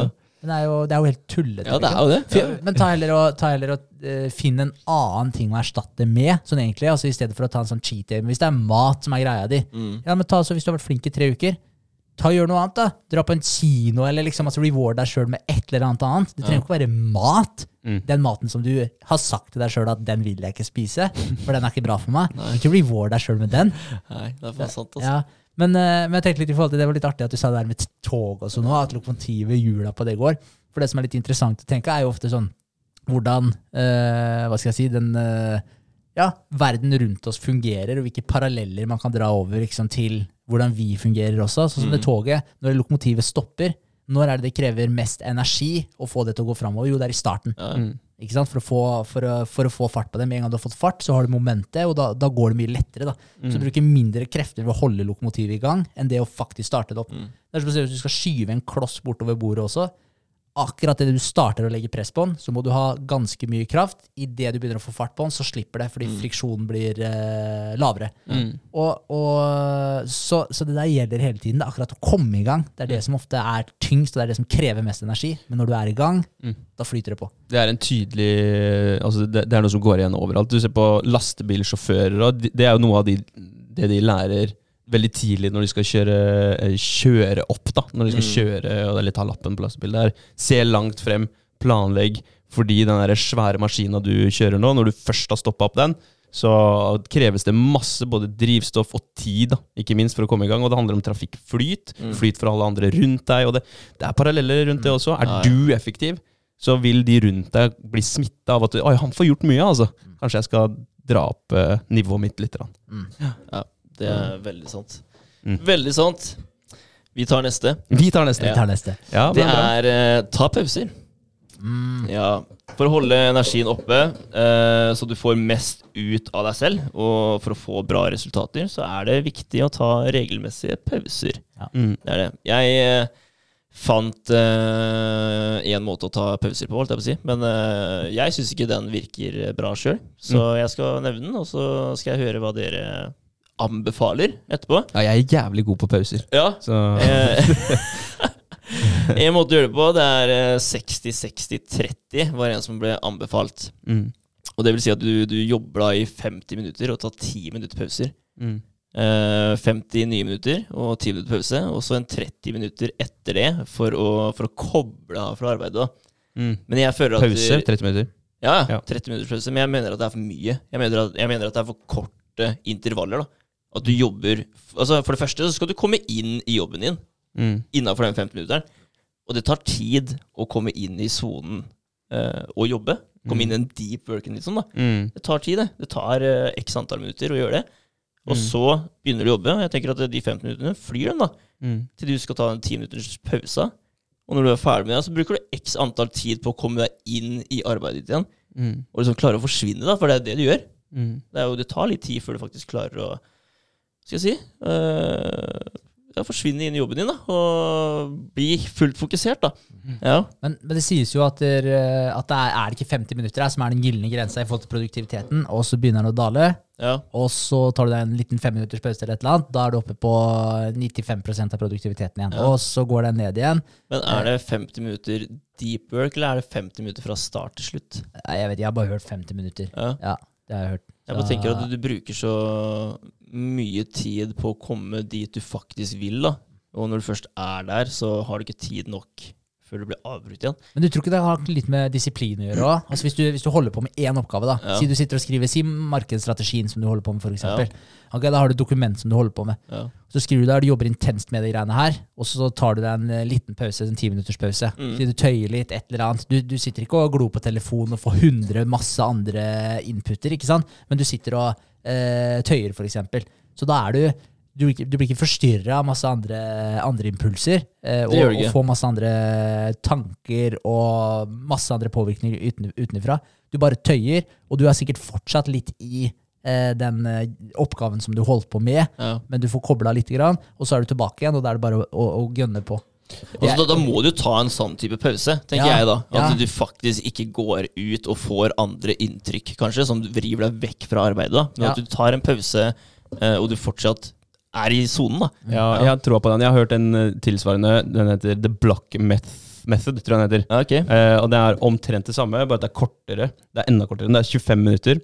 Totalt da, 130 minutter, så drøy par timer. da. Ja, shit. Eh, men da er det 25 minutter, og så er det 5 minutter pause, 25 minutter, 5 minutter pause, 25 minutter og 5 minutter pause. Ja. Eh, Da må du være i sonen, og og det er akkurat det som blir beskrevet da, at de fem minuttene, de skal du bare, da skal du legge fra deg arbeidet, og så skal du gjøre noe du syns er digg, liksom, noe som hjelper deg, enten høre på musikk, tøye, um, se på fuglene, eller et eller annet da, Ja. som du syns er ålreit, Mm. eh, som ikke krever noe særlig. Ja, for jeg, for jeg tror ofte også det at man, eh, det med at man tenker med pause, skulle ta en pause, og så tenker man med en gang sette seg på sosiale medier eller sånn. Det er faen ikke en pause. Nei, for det er det jeg tenkte automatisk Ja, ja. med de pausene. Jeg tenkte Ja. at det her blir jo for lite, for jeg kommer til å, det kommer til å være så mye annet som eh, Ja. tar eh, tankene mine. da, Ikke sant? Og nå må jeg jobbe med å komme inn igjen. da Ja. ja, Men- Så det er automatisk det jeg tenkte. Ja, ja, men jeg Ja. tror at man har et helt feil bilde på hva er det faktisk å ta en pause. Ja. Eh, og det mener jeg sånn i forhold til å slappe av òg. Mm. Se på en film er ikke å slappe av. Altså du kan, ja, du ligger på sofaen, så fysisk sånn akkurat der og da slapper du av. Men Ja. når du sitter og ser på en film, huet ditt er så med det. Mm. Og, og, og det vekker masse reaksjoner i kroppen din ut ifra hva det er du ser på også. Ja. Så hva enn du sier, det er ikke å slappe av. Slappe av er ja, tøye, da. Da får du i hvert fall peace of mind. Hør Mm. på noe klassisk, en musikk Ja. uten tekst. Mm. Det også hjelper å slappe av. Eller se på fuglene, som du sier. Mm. Altså, det, det er å slappe av. Ja. Så, så jeg tror det kanskje er nøkkel også i de fem minuttene, å ikke mate huet ditt fullt av piss fra telefon. Nei, det går ikke. bare koble litt av, Ja. og så gå tilbake på arbeidet. Ja. Jeg eh, satt eh, på ferja i stad, var i bursdag i Horten. eh, og satt jeg litt nede ned i bilen. Eh, og så titta jeg rundt meg. Alle hadde kommet ned da, for, å, for å sette seg i bilene igjen før vi skulle kjøre av ferje. Mm. Så titta jeg litt rundt meg. Og der var, det, der var det alle 360 grader. Vi var midt i køen. da, 360 grader. Alle, mens de venta på at ferja skulle legge i land, satt med sånn hvitt lys i ansiktet og med nakken eh, ned. Så jeg satt der og bare eh, hva, hva er det vi driver med, liksom? Hva Ja, alle tar den der eh, lille pausen da, mellom eh, ja, kjøringa si til å oppdatere seg på hva som har skjedd Ja. andre steder. Bare feeder seg med nye inntrykk, da. Det er Nye inntrykk og Ja. nye bekymmer, stort sett. Ja. da, For man ser liksom på hva alle andre får til, og så sitter du her da, støkk i trafikken. Ja, Men der har du jo også den der eh, The Social Dilemma, den Mm. filmen som du anbefalte, André. For den også, den, eh, den, eh, den er creepy. Mm. Den er creepy. Den gir deg et sånt støkk, ass. Ja, den gjør det. Ja, ja. Og da er det sånn der, og du bare tenker at du går inn der, så er det en algoritme som egentlig bestemmer typ hva du skal tenke på. For det er faktisk det som skjer. Mm. Altså Uansett hvordan du vrir og vender på det, så er det det som skjer. Ja. For den feeder deg med noe informasjon som den tror at du, basert på det du har holdt på med tidligere, det, den tror at fanger eh, oppmerksomheten din. Mm. Og så sitter du der da, og scroller, og så blir du bare mata med masse, masse irrelevant shit. Altså Hvis du ser tilbake den siste uka på alt dere har sett på sosiale medier, Instagram, absolutt alt, da. Mm. Hva faen husker dere av det, liksom? Jeg kjøpte, meg et, eh, jeg kjøpte meg en ninepack boksere takket være Facebook eh, her om dagen. Så jeg har blitt, Ja. eh, jeg har blitt mata med en algoritme. Ja. Jeg har snakka om boksere sikkert. At jeg, nå trenger jeg å oppdatere bokserparken min. Så fikk jeg den opp i feeden. 50% på Frank Dandy, min favoritt. Ja, Ja, da kjøper jeg da. Så man blir, man blir liksom ja, feeda med det man leter etter, og det man tror man leter etter. Ja, ja. Og når du først har funnet det, så kommer det jo enda mer av det òg, da. Etterpå, ja. når du egentlig er ferdig med det. Snart så blir jeg begravd i boksere. Ja. ja. Sånn Ok. Um, bli kvitt distraksjoner. Det okay. er neste. Altså, du kan ta en test, eller ta en test, og finne ut hvor mange ganger du blir distrahert i løpet av en travel arbeidsdag. Mm. Ja. Du kan ta det tallet og gange det med 25. ja. Altså Ifølge en eh, studie, uh, The Cost of Interrupted Work Det er en studie av Gloria Mark, heter hun. Men eh, de sier da at det tar oss i gjennomsnitt 23 minutter og 15 sekunder å gå tilbake til det vi holdt på med før vi ble avbrutt. 23 minutter? Ja. Eller sa du tre? tre. 23 minutter Wow, og 15 wow, wow. sekunder. Ja. Altså, distraksjoner tar ikke bare opp tiden under distraksjonen, men den kan av... Eller kan, kan jo det kan avsperre fremgangen og fokuset i nesten 25 minutter, sto det da. Ja. Så hvis du blir distrahert fem ganger per dag, så kan du minst Nei, så kan du miste nesten to timer produktivt arbeid, da. Ja, hver dag og ti timer hver uke. Det er sjukt. Men der tipper jeg igjen at der er du sikkert inne på det med Hvis du, hvis det, hvis du blir avbrutt Ja, det er litt derfor Ja. jeg hadde den tankegangen. ja, Mm. Ja. Fordi hvis du blir avbrutt, da tenker jeg da er det noe som kommer inn fra sida. Det er Ja. ikke som at det, klassisk musikk på øreproppene dine avbryter deg. om du skjønner hva jeg mener. Ja, mm. så, så da kommer det en eller annen input fra et eller annet annet sted. Ref det her med sosiale medier, Mm. eller at du er inne på et eller annet som gir deg inntrykk, som, som hva skal jeg si, får uh, tankerekka til å starte på noe helt annet enn det du holdt på med. Og da tenker jeg, jeg tenker at den avbrytelsen der er veldig annerledes enn det å ta en bevisst femminutters tøyesession uten noen annen input. Ja, ja, for da må du faktisk bare switche helt eh, tankegang og Ja. over på det spørsmålet eller den oppgaven du får fra en eller annen eh, random person, ikke sant? og begynne å tenke på det litt, og så skal du tilbake til det du driver med, da, det du har drevet med. Mm. Og det å klare å komme seg tilbake der da, det tar tydeligvis rundt 23 minutter og 50 sekunder. Makes sense. Mm. Ja, så jeg tror, jeg tror man må skille på de to. Ja. Ja, En pause er ikke nødvendigvis en pause. Nei, men det ga veldig mening for meg når dere sa det på den måten dere sa det på i stad. Mm. Eh, for når jeg har sittet og ordna med det her, og jeg har tenkt eh, 60-60-30, så jeg tenkte det er altfor liten tid. Mm. Sant, Ut ifra det andre jeg visste. da, Ikke Men eh, sant, man må skille på de. Ja. For da får du i prinsippet da bare et par minutter effektiv tid. da. Ja, man gjør det. Jeg bare, faen, det her går ikke. Nei, nei, det er et poeng. Men der eh, kan du, altså jeg, blir mye bedre. Sofie er veldig flink til å minne meg og Vegard på at vi må ta pauser. Men Ja. vi er jo ræva på det. Vi Ja, ja. sitter jo faen meg i tre timer, ikke sant. Så det er sånn Men det er i flyten, da. Men eh, uansett så er det deilig å ta pause. Mm. Det er det. Helt klart. step up gamet der. Ja. Det er sant. Eh, neste. Bruk tid på de mindre oppgavene. Mm. Ja. Små oppgaver kan ofte komme i veien for de viktige oppgavene dine. Og, altså, de er i kalenderen din, Mm. men de kan ofte bli nedprioritert da, av, eh, av andre oppgaver som du mener, uh, mener er viktigere. Mm. Ja.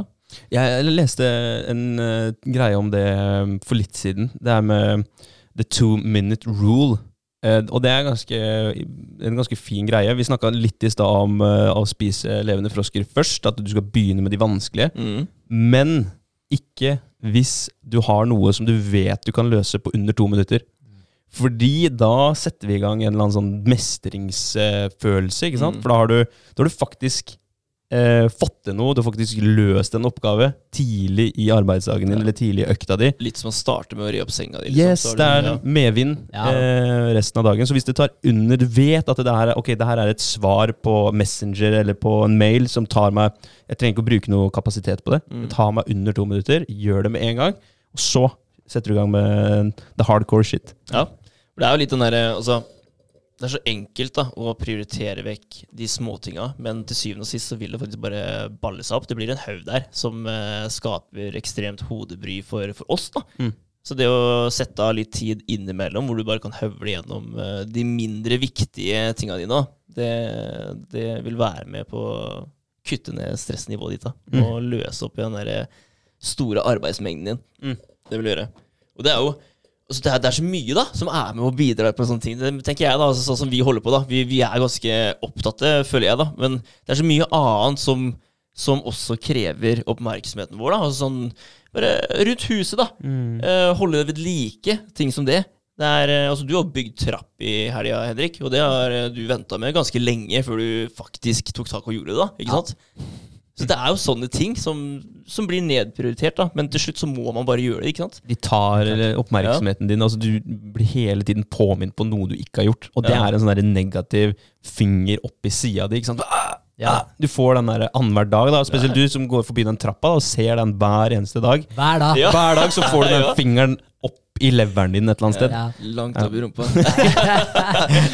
men, ja, men det er, eh, akkurat det der er ikke kødd. Ja, for det er sånn du får Selv om du kanskje ikke hver gang tenker bevisst Bak den trappa der, den skulle jeg ha vært ferdig med nå. Mm.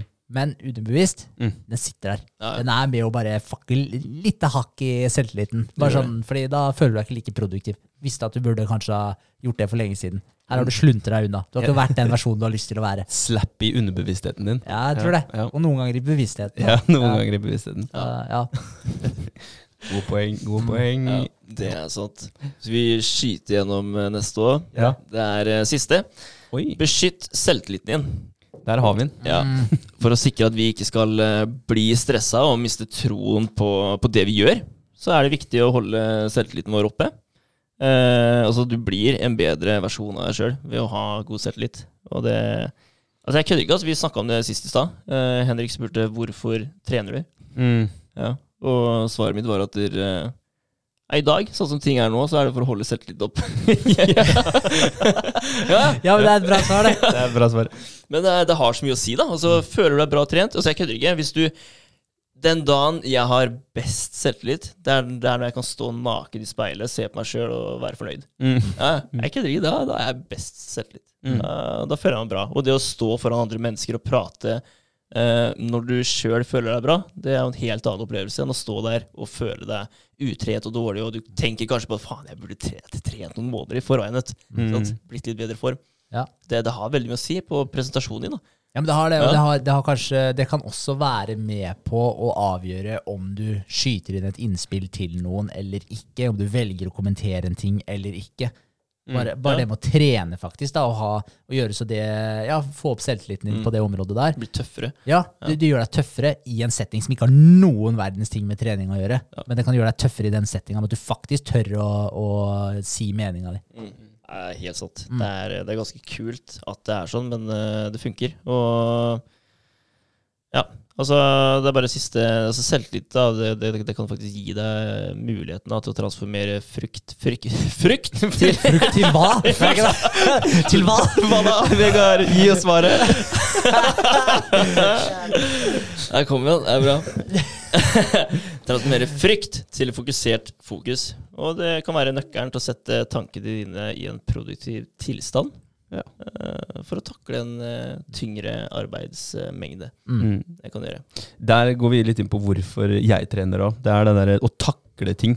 Ja. Altså takle ting bra. Hvis det skjer noe dritt i livet, da. Mm. Om det er eh, emosjonelt eller fysisk. At man må opp i ringa. Man må heve sitt nivå for å ja, rett og slett overleve. Eh, så det er et godt poeng. Og Ja. der trenger man også selvtillit for å ta de riktige avgjørelsene og komme med gode tips for, eh, for folka rundt seg. Ja, det er veldig sant. Det er veldig sant. Den, eh, en ting du gjør også på trening, trene styrke eller kondisjon, det spiller egentlig ingen rolle, men du pusher igjennom noe som er ubehagelig, noe som er tungt, Mm. noe som du frivillig går inn i, og så pusher du igjennom det ubehagelige. Det, det, det, du bygger jo standhaftighet Mm. og, og selvdisiplin. Du bygger jo en mental styrke sammen med den fysiske styrken, pluss at du adder det på selvtilliten. Så Ja. ja. Det er jo derfor det er en så god type, et godt bilde på alt vi snakker om, trening. Fordi at du, du, du kan så tydelig se prosessen, se forvandlingene. Du kan så dra paralleller, styrke i den fysiske formen, styrke i den mentale formen.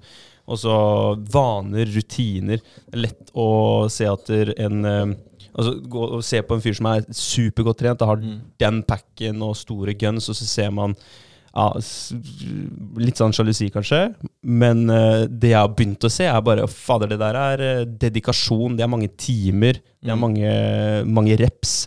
Og da kan man dra det over til eh, kalenderen. da. Hvis du bare begynner, og så tar den ene dagen med kalenderen din, plutselig så sitter du der med en supereffektiv hverdag. da. Kontinuitet må vi få inn. Eh, don't break the chain. Mm. Eh, og se på Der har vi et godt eksempel med den siste måneden nå. Da har vi lest hver dag.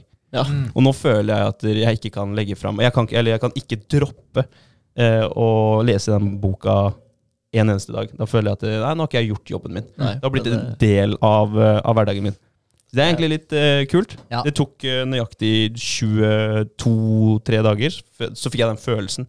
Og at nå, nå kan jeg ikke Det her må jeg ha da i løpet av Ja, dagen. men uh, jeg er overraska over, over hvor mye det faktisk gir meg altså, Ja. å lese nå. Det er utrolig ja, faen, Jeg skal ikke skryte for mye av det, men eh, jo, jeg skal det. Jeg syns det er helt jævlig rått. Ja, Det er det. Jeg er skikkelig fornøyd med å lese om dagen. Og, eh, jeg leser jo den uh, Sell Like Crazy nå. Ja.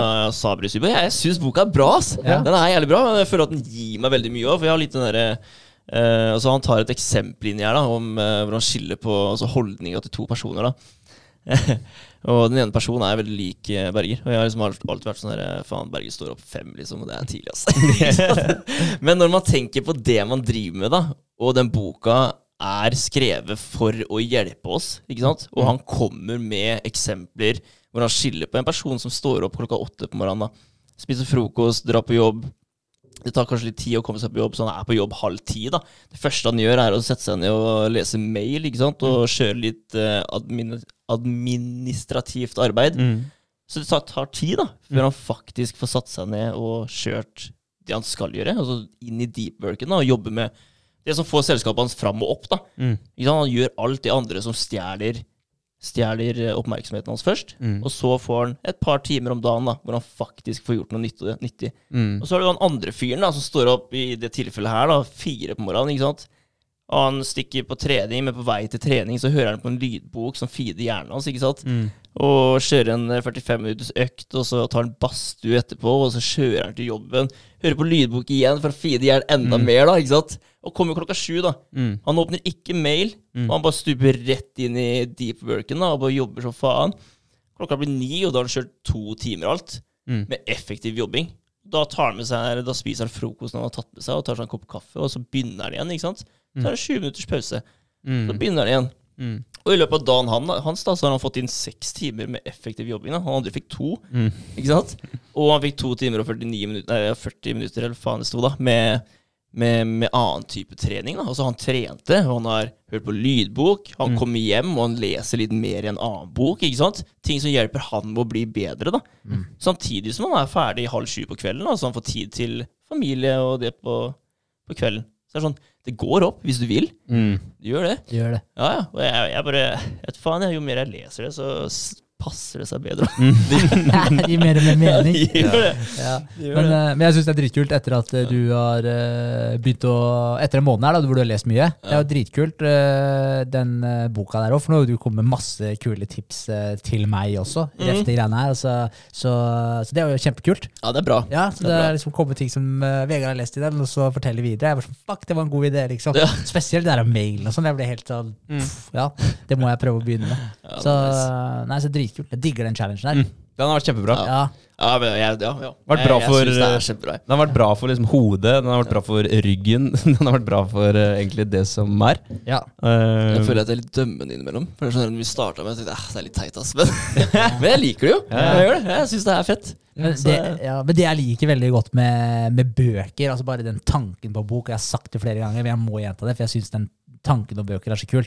Når noen har dedikert livet sitt til å lære seg en eller annen spesifikk ting, om det er å selge, om det, om det er å bygge, om det er økonomi, eller om det faen meg er eh, historie altså, Jeg vet ikke hva det skulle være, men, men de har brukt flere tiår på å lære seg akkurat det evnet her. Og så pakker de sammen kunnskapen sin, det viktigste som de har brukt 40 år Mm. Av livet sitt på å tilegne seg. Det viktigste er at den pakker dem inn til deg og serverer deg på 300 sider. Her er det jeg føler av de 40 åra jeg har eh, holdt på med det her, at det er verdt for meg å presentere videre til deg. Det er jo faen meg en gavepakke. Så det er jo helt sinnssykt å ikke lese bøker. Så når man tenker på det på den måten Og jeg skulle lest mer sjøl, og, og den challengen her har vært bra for meg for å få mer eh, rutine på lesinga. mm. Men uh, det, å ikke, det å ikke lese bøker det er jo, Eller høre på lydbøker. Du må ikke lese heller. Hør på lydbøker, da. Ja. Mm. Så hvis, hvis man syns det er vanskelig å sette seg ned og lese og sånn, lydbøker. Så det kan være lettere mange ganger. Og, og da kan man også kombinere det med at man gjør andre ting. Vasker opp, kjører bil, skifter på senga, støvsuger huset, Mm. Gå tur. Altså det, det er så mye man kan kombinere det med, Mm. som man ellers ikke får brukt tida til nødvendigvis noe nyttig. Hvor mye elsker du bøker, eh, Berger? Jeg på- elsker det ganske mye. elsker ganske ja. mye? Ja, er det sånn gjør- typ like mye som Sofie? Ja. Treff den der Ja. Instagram. Du kan bare stoppe nå, Sofie. Ja, det var så jævlig bra, det. Jeg sto der bare For jeg elsker bøker. Altså. Jeg skal samle på bøker hele livet. Og så kommer Sofie bare Hæ? Så sa du liksom, så begynte hun å filme. vet du. Hvor mye elsker du bøker? Eller, eller hva var det du sa for noe? Hva sa du, Henrik? Jeg bare. Nei, jeg elsker bøker, altså. Jeg skal samle på bøker hele livet. Og så sa hun et eller annet sånn derre jeg elsker du bøker mer enn meg, eller sånn? Jeg bare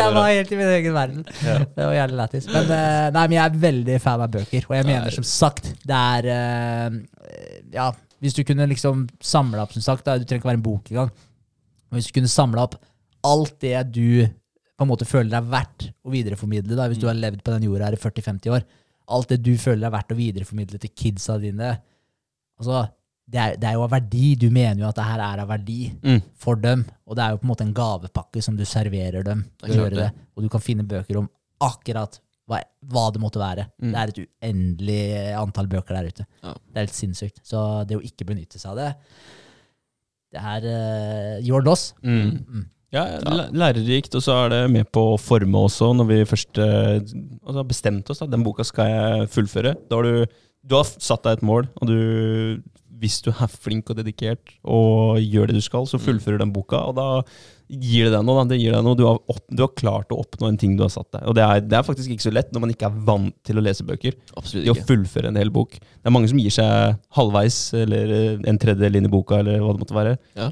Eh, og det er jo ikke noe god følelse. Det er jo litt tilbake til den samvittigheten igjen. da. Ja. Så det krever litt. Rann. Så nei, velg en bok, en lettlest en først, og så får du, får du den der mestringsfølelsen etter å ha lest den boka, og så kan du gønne på med noe tyngre materie etterpå. Ja, ja, det er et veldig godt tips å ikke velge en bok som er for vanskelig å lese, sånn at du, du får den der eh, negative, eller det slaget i trynet at nei, bøker er ikke, det klarer jeg ikke, liksom. Nei, ta Leseløven, eller hva det heter. Var det ikke noe Ja. sånt uh, når vi var kids? Sånn superlettleste bøker med det. eh, linjeskille på, eller linjeavstand på sånn 20 cm. Ja, Ja, ja. Er det lett å lese. ja. Men det merker jeg, ja. Ja, ja, kjør på, Vegard. Det merker jeg mellom uh, den første boka jeg leste, og den jeg leser nå. Mm. Det er stor forskjell. Ja. ja, ja fordi eh, altså 'Crossing the Chasm' Ja der, eh, den, den boka den uh, måtte jeg uh, for det første søke opp nesten de fleste orda jeg kom over. Mm. For det var veldig mange vanskelige ord der. og Jeg er så er det jo ikke en sånn koreansk utgave. Alle ord. Man misforstått hele greia. Nei da, men, men, men det går bra så fort du skjønner hva ordet betyr. Men innimellom også glemmer du hva faen var det det betydde igjen, Mm. liksom. Så må du inn en gang til, da. Og det er frustrerende Mm. når du begynner der. Bra bok, Mm. og alt det der, det er det, men det tok mye lengre tid å lese den Mm. enn den jeg leser nå. For nå bare flyr jeg gjennom sidene, og det er eh, større linjeavstand mellom linjene, og det er mye enklere skrevet, da. Mm. Rett og slett. Veldig godt poeng det er med, med, å, med å søke opp ord, for det har jeg følt på noen bøker jeg har, har uh, dyppa tå i òg. Det, det blir litt sånn som eh, deep work-staten vi snakka om Mm. i stad. Når du da møter på et ord som ikke gir noe mening for deg, så er det jo akkurat som om det budskapet det får du ikke lov til å tolke akkurat der og da. Så da må du inn på telefonen, da. Så må du åpne opp uh, translaten, og da er du jo ute av flowen igjen. Ja. Og så plutselig så var det en Snapchat der som var jævlig interessant, som du måtte inn og åpne. Og så er det jo fucked, da. Ja. Da er uh, hodet ditt på et helt annet Ja, sted. da er du helt ute. Ja, så, så, så begynn med noe lett nå, hvor du kanskje må åpne opp uh, oversetteren bare et par ganger i løpet av 20 sider. da. Ja. Men når det er hver side, da er det Ja. tungt å komme gjennom. Det er veldig tungt. Og, det, da lærer du deg de nye orda, da. det er akkurat det. Altså, for det første, engelsken din blir jo betraktelig bedre. Eh, men en annen ting er jo at forfattere, altså folk flest, bruker mye av de samme orda. Altså, Mm. De har eh, en del ord i repertoaret sitt, og, og, men det er ofte man bruker de samme type orda. Mm. Så i starten av en bok så kan det være veldig vanskelig å, å skjønne alt, at det blir mye oppstykka sånn. Ja. Men hvis du tar deg og gjør, altså gjør den efforten, tar deg den tida til å faktisk få oversatt de orda, skjønne de orda, skjønne konteksten Mm. som de er satt i der, Mm. eh, så mest sannsynlig, så det er jo som du sier, Vegard, noen ganger så må man søke noe flere ganger, for man glemmer det bort, og det skjer det. Skjer det. Ja, ja. Mm. Og, men da er det sånn, etter hvert da når man får lest det litt utover, så begynner de samme orda å komme om igjen, og da, da har du dem. Mm. Så, så bare det må Det er viktig å ta seg tida til det. Men Ja. det viktigste er kanskje å finne en bok for det første som du har interesse av å lese, Mm. for da har du lyst til å lese videre. Eh, sånn som den markedsføringboka. Er Hadde genial, altså. Faen, hadde du gitt meg den for fem år siden, så hadde jeg kasta opp, liksom. men, men, men nå, så jeg følte seriøst at jeg tok en bachelor i markedsføring. Ja, men den er jo genial. Den Ja, er, ja. Lærte sykt mye. Men den var, den var heavy. Ja. Det var en heavy bok. Klart. Så, så ja, men start med en eh, lettere bok, og en som du er interessert i. Er Men deilig å gå tilbake da til en bok som er mer lettlest. Ja, Det er utrolig deilig for meg nå. Mm. For det gjør meg jo ingenting å sitte og lese den. Det, det, det krever ikke noe av meg, da. Ikke sant? Og det er deilig. Det er det. Og det må jeg bare anbefale. oss. Hvis eh, det er noen som driver markedsføring som uh, hører på det her, så sjekk ut uh, Sell Like Crazy. Det er faen god bok. kult. Det er det. Mye bra info. Det er det. Fett. Ja. Veldig bra. Jeg syns det var en uh, bra tematikk, og en Ja. bra levering av tematikken, Vegard. Ja, det er bra. Veldig bra. kult å få alle disse punktene oppsummeringene på hva man skal gjøre for å redusere både stressnivået og øke effektiviteten i, i hverdagen. Mm. Få en litt bedre struktur. Mm, Ja. Flow. Ja, Ja. rett og slett. Ja, det, er- det er så mye av det som er viktig å ta stilling til. Ja. Ja. Jeg tror det kanskje er mye av nøkkelen å ta stilling til diverse ting. Enten om man er midt oppi det, eller om man ja, går litt i den kanskje dvalen sin, går i det mønsteret som man har tilegna seg opp gjennom x antall år. Ja. Men det å begynne å ta stilling til hvor er det man vil hen, hva man gjør for å komme dit, og så prøve å organisere seg best mulig deretter, Mm. Jeg tror veldig mange, når vi har snakka litt om det her sosiale medier-aspektet på det Jeg tror veldig mange skaper seg sjøl en ny normal. Altså hva er normal, en normal dag for deg? da? Etter jobb så eh, slapper du av med å oppdatere alt det du har gått glipp av på sosiale medier i løpet av de åtte timene du var på jobb. Mm. Det har blitt en del av på en måte, den normale rutina til veldig mange. Det Ja, ser, det jeg, ja, det ser jeg jo rundt meg på familie og Mm. samboer og, og litt sånt. nå, At det, når du er kommet hjem fra jobb, så er det på en måte beina på, på sofaen, og så er det opp med den. Og så bare Nei, nå må jeg, nå må jeg bare refreshe eh, for å oppdatere meg sjøl. Ja, Men de fleste har den holdninga at du, når du er ferdig på jobb, da er dagen over. Da kommer du hjem, og da kan du slappe av, da, er- da er du ferdig, liksom. Mm. Da, da gjør du ting som uh, bare er positivt for deg sjøl, da. Mm. Det er veldig mange som har den holdninga her, kontra å komme hjem og skulle ville mer, da. Ja, men det er jo positivt for deg sjøl, da. Ja, Ja, ja. Men det du egentlig sier, er positivt for deg sjøl i nuet, men som kanskje er negativt for deg sjøl i det lange løpet. Ja. Det er vel det du mener. Ja, og ja, ja, når folk kommer hjem fra jobb og gjør det som du, du sa, du gjør det som er positivt, bare det som er positivt Ja, ja. for deg sjøl. Ja, men, men du mener det er positivt i negativt. nuet. Ja, i nuet, ja. men negativt i det lange Yes, løpet. det er Mm. For, det er en, eh, for jeg er helt enig, det er en Ja. stor forskjell. Så det er akkurat som at, det, det er akkurat som at arbeidsdagen din den bare bestemmer hele livet ditt. Typ. Ja. Sånn, altså Du kommer hjem fra jobb, og så er du sliten, og da skal du som du sier, inn på sosiale medier, kanskje skal sitte med beina høyt og se på TV, et eller annet, da, bare for å basically slappe av og lade opp til neste arbeidsdag. Mm. Det er sånn, Hva faen er det, liksom? Ja. Hva faen er det? Ja, ja. ja men enig. Skal vi avslutte der? Hva faen er det? Er det? Ja, ja, men det er jo et poeng, Ja, det er et veldig godt Ja. poeng. Men uh, kjapp recap av uh, uka. Ja. Ja. Jeg har kjørt en liten eh, kampanje på bedre produktene, så jeg har prøvd meg på det. Det har ikke funka noe særlig. Jeg så det. Ja, du Ja. fikk det opp i feeden din. Ja. Nei. Nei. Så en liten sånn eh, package eh, bundle-kampanje. Eh, ikke fungert spesielt bra. Eh, generert ett salg og kosta 1000 kroner. Så det, det er dårlig betalt. Men en erfaring. En erfaring. Ja. Og, um, og jeg har fått eh, et par tips fra Det var eh, en Jeg tror det var en post på et eller annet forum om eh, entreprenørskap. Eh, det dukka opp en artikkel. Eh, det var et eller annet sånn herre eh, Dette er mine eh, topp eh, mistakes i eh, startupen min. Mm. Eh, til deg som er eh, der jeg var for ti år siden, f.eks., i en startup-fase. Og da var det ikke, ikke stol på eh, Shopify. eh, hva hva heter den der betalingstjenesten som han, eh, Elon starta opp igjen? PayPal? PayPal. Ja. Eh, og eh, det var Facebook, eh, blant annet. Da. Så ikke, ikke gi all din lit til at de skal eh, gjøre deg suksessfull. Eh, fordi de kan fort bare fryse alle assetsa dine hvis de ja, ser at du har for stor growth over en kort periode. Da. Så bare bam, trykker du på en knapp, så har du ikke tilgang til de pengene du har tjent via f.eks. PayPal. Da. Mm. Så, så PayPal er opptatt av De er veldig opptatt av eh, de som kjøper ting. De får veldig god hjelp. Men eh, disse vendorene, da, eller merch, hva heter det, merchanter, eh, de som selger ting, Mm. de har ikke veldig mye, mye til gode da, på, hos eh, PayPal. Så han sa at eh, ikke gi all din lit på type sånn markedsføring via Facebook, via Snapchat og, og sånt noe, men skap dine egne eh, store kanaler. altså Bygg deg opp sjøl, og finn gode samarbeidspartnere. Mm. Ikke bare legg all din eh, tillit da, til, til type Shopify og, og sånt noe. Mm. Så Det det er gode, gode tips å ta med. Ja, ja. At man må, man må jobbe litt utenfor de der enkle, for det er jo enkle veier. Shopify er kjempeenkelt. Eh, Facebook-ad, Mm. kjempeenkelt. Da kan du koble på Instagram samtidig. Veldig enkelt. ikke men det gir ikke så mye.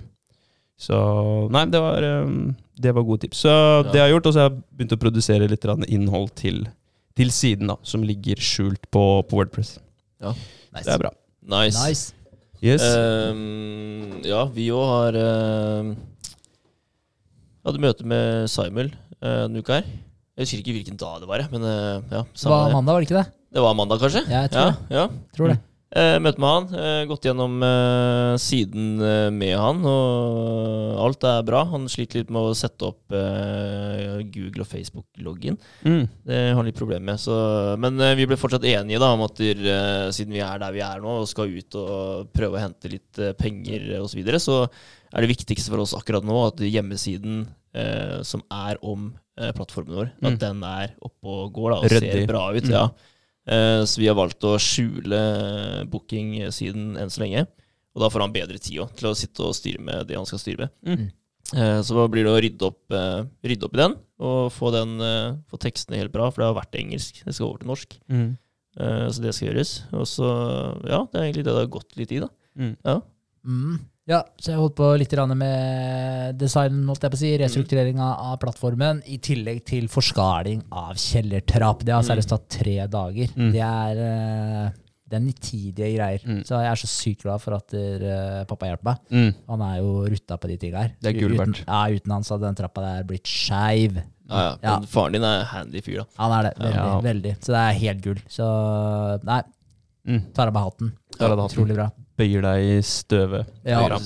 Så, nei, så det er bra. Så det er egentlig det det har gått til, da. Mm. Mm. Ja, avslutter vi med, med å si hva faen til hvordan uh, sosiale medier uh, påvirker livene våre, og uh, tar av oss hatten og setter pris på alle de fine menneskene som er i livet vårt. Ja, Definitivt. Det gjør vi. God Yes. avslutning. God avslutning. Ok, takk for i dag. Takk for i dag. Ha det. Ha det bra. Hei.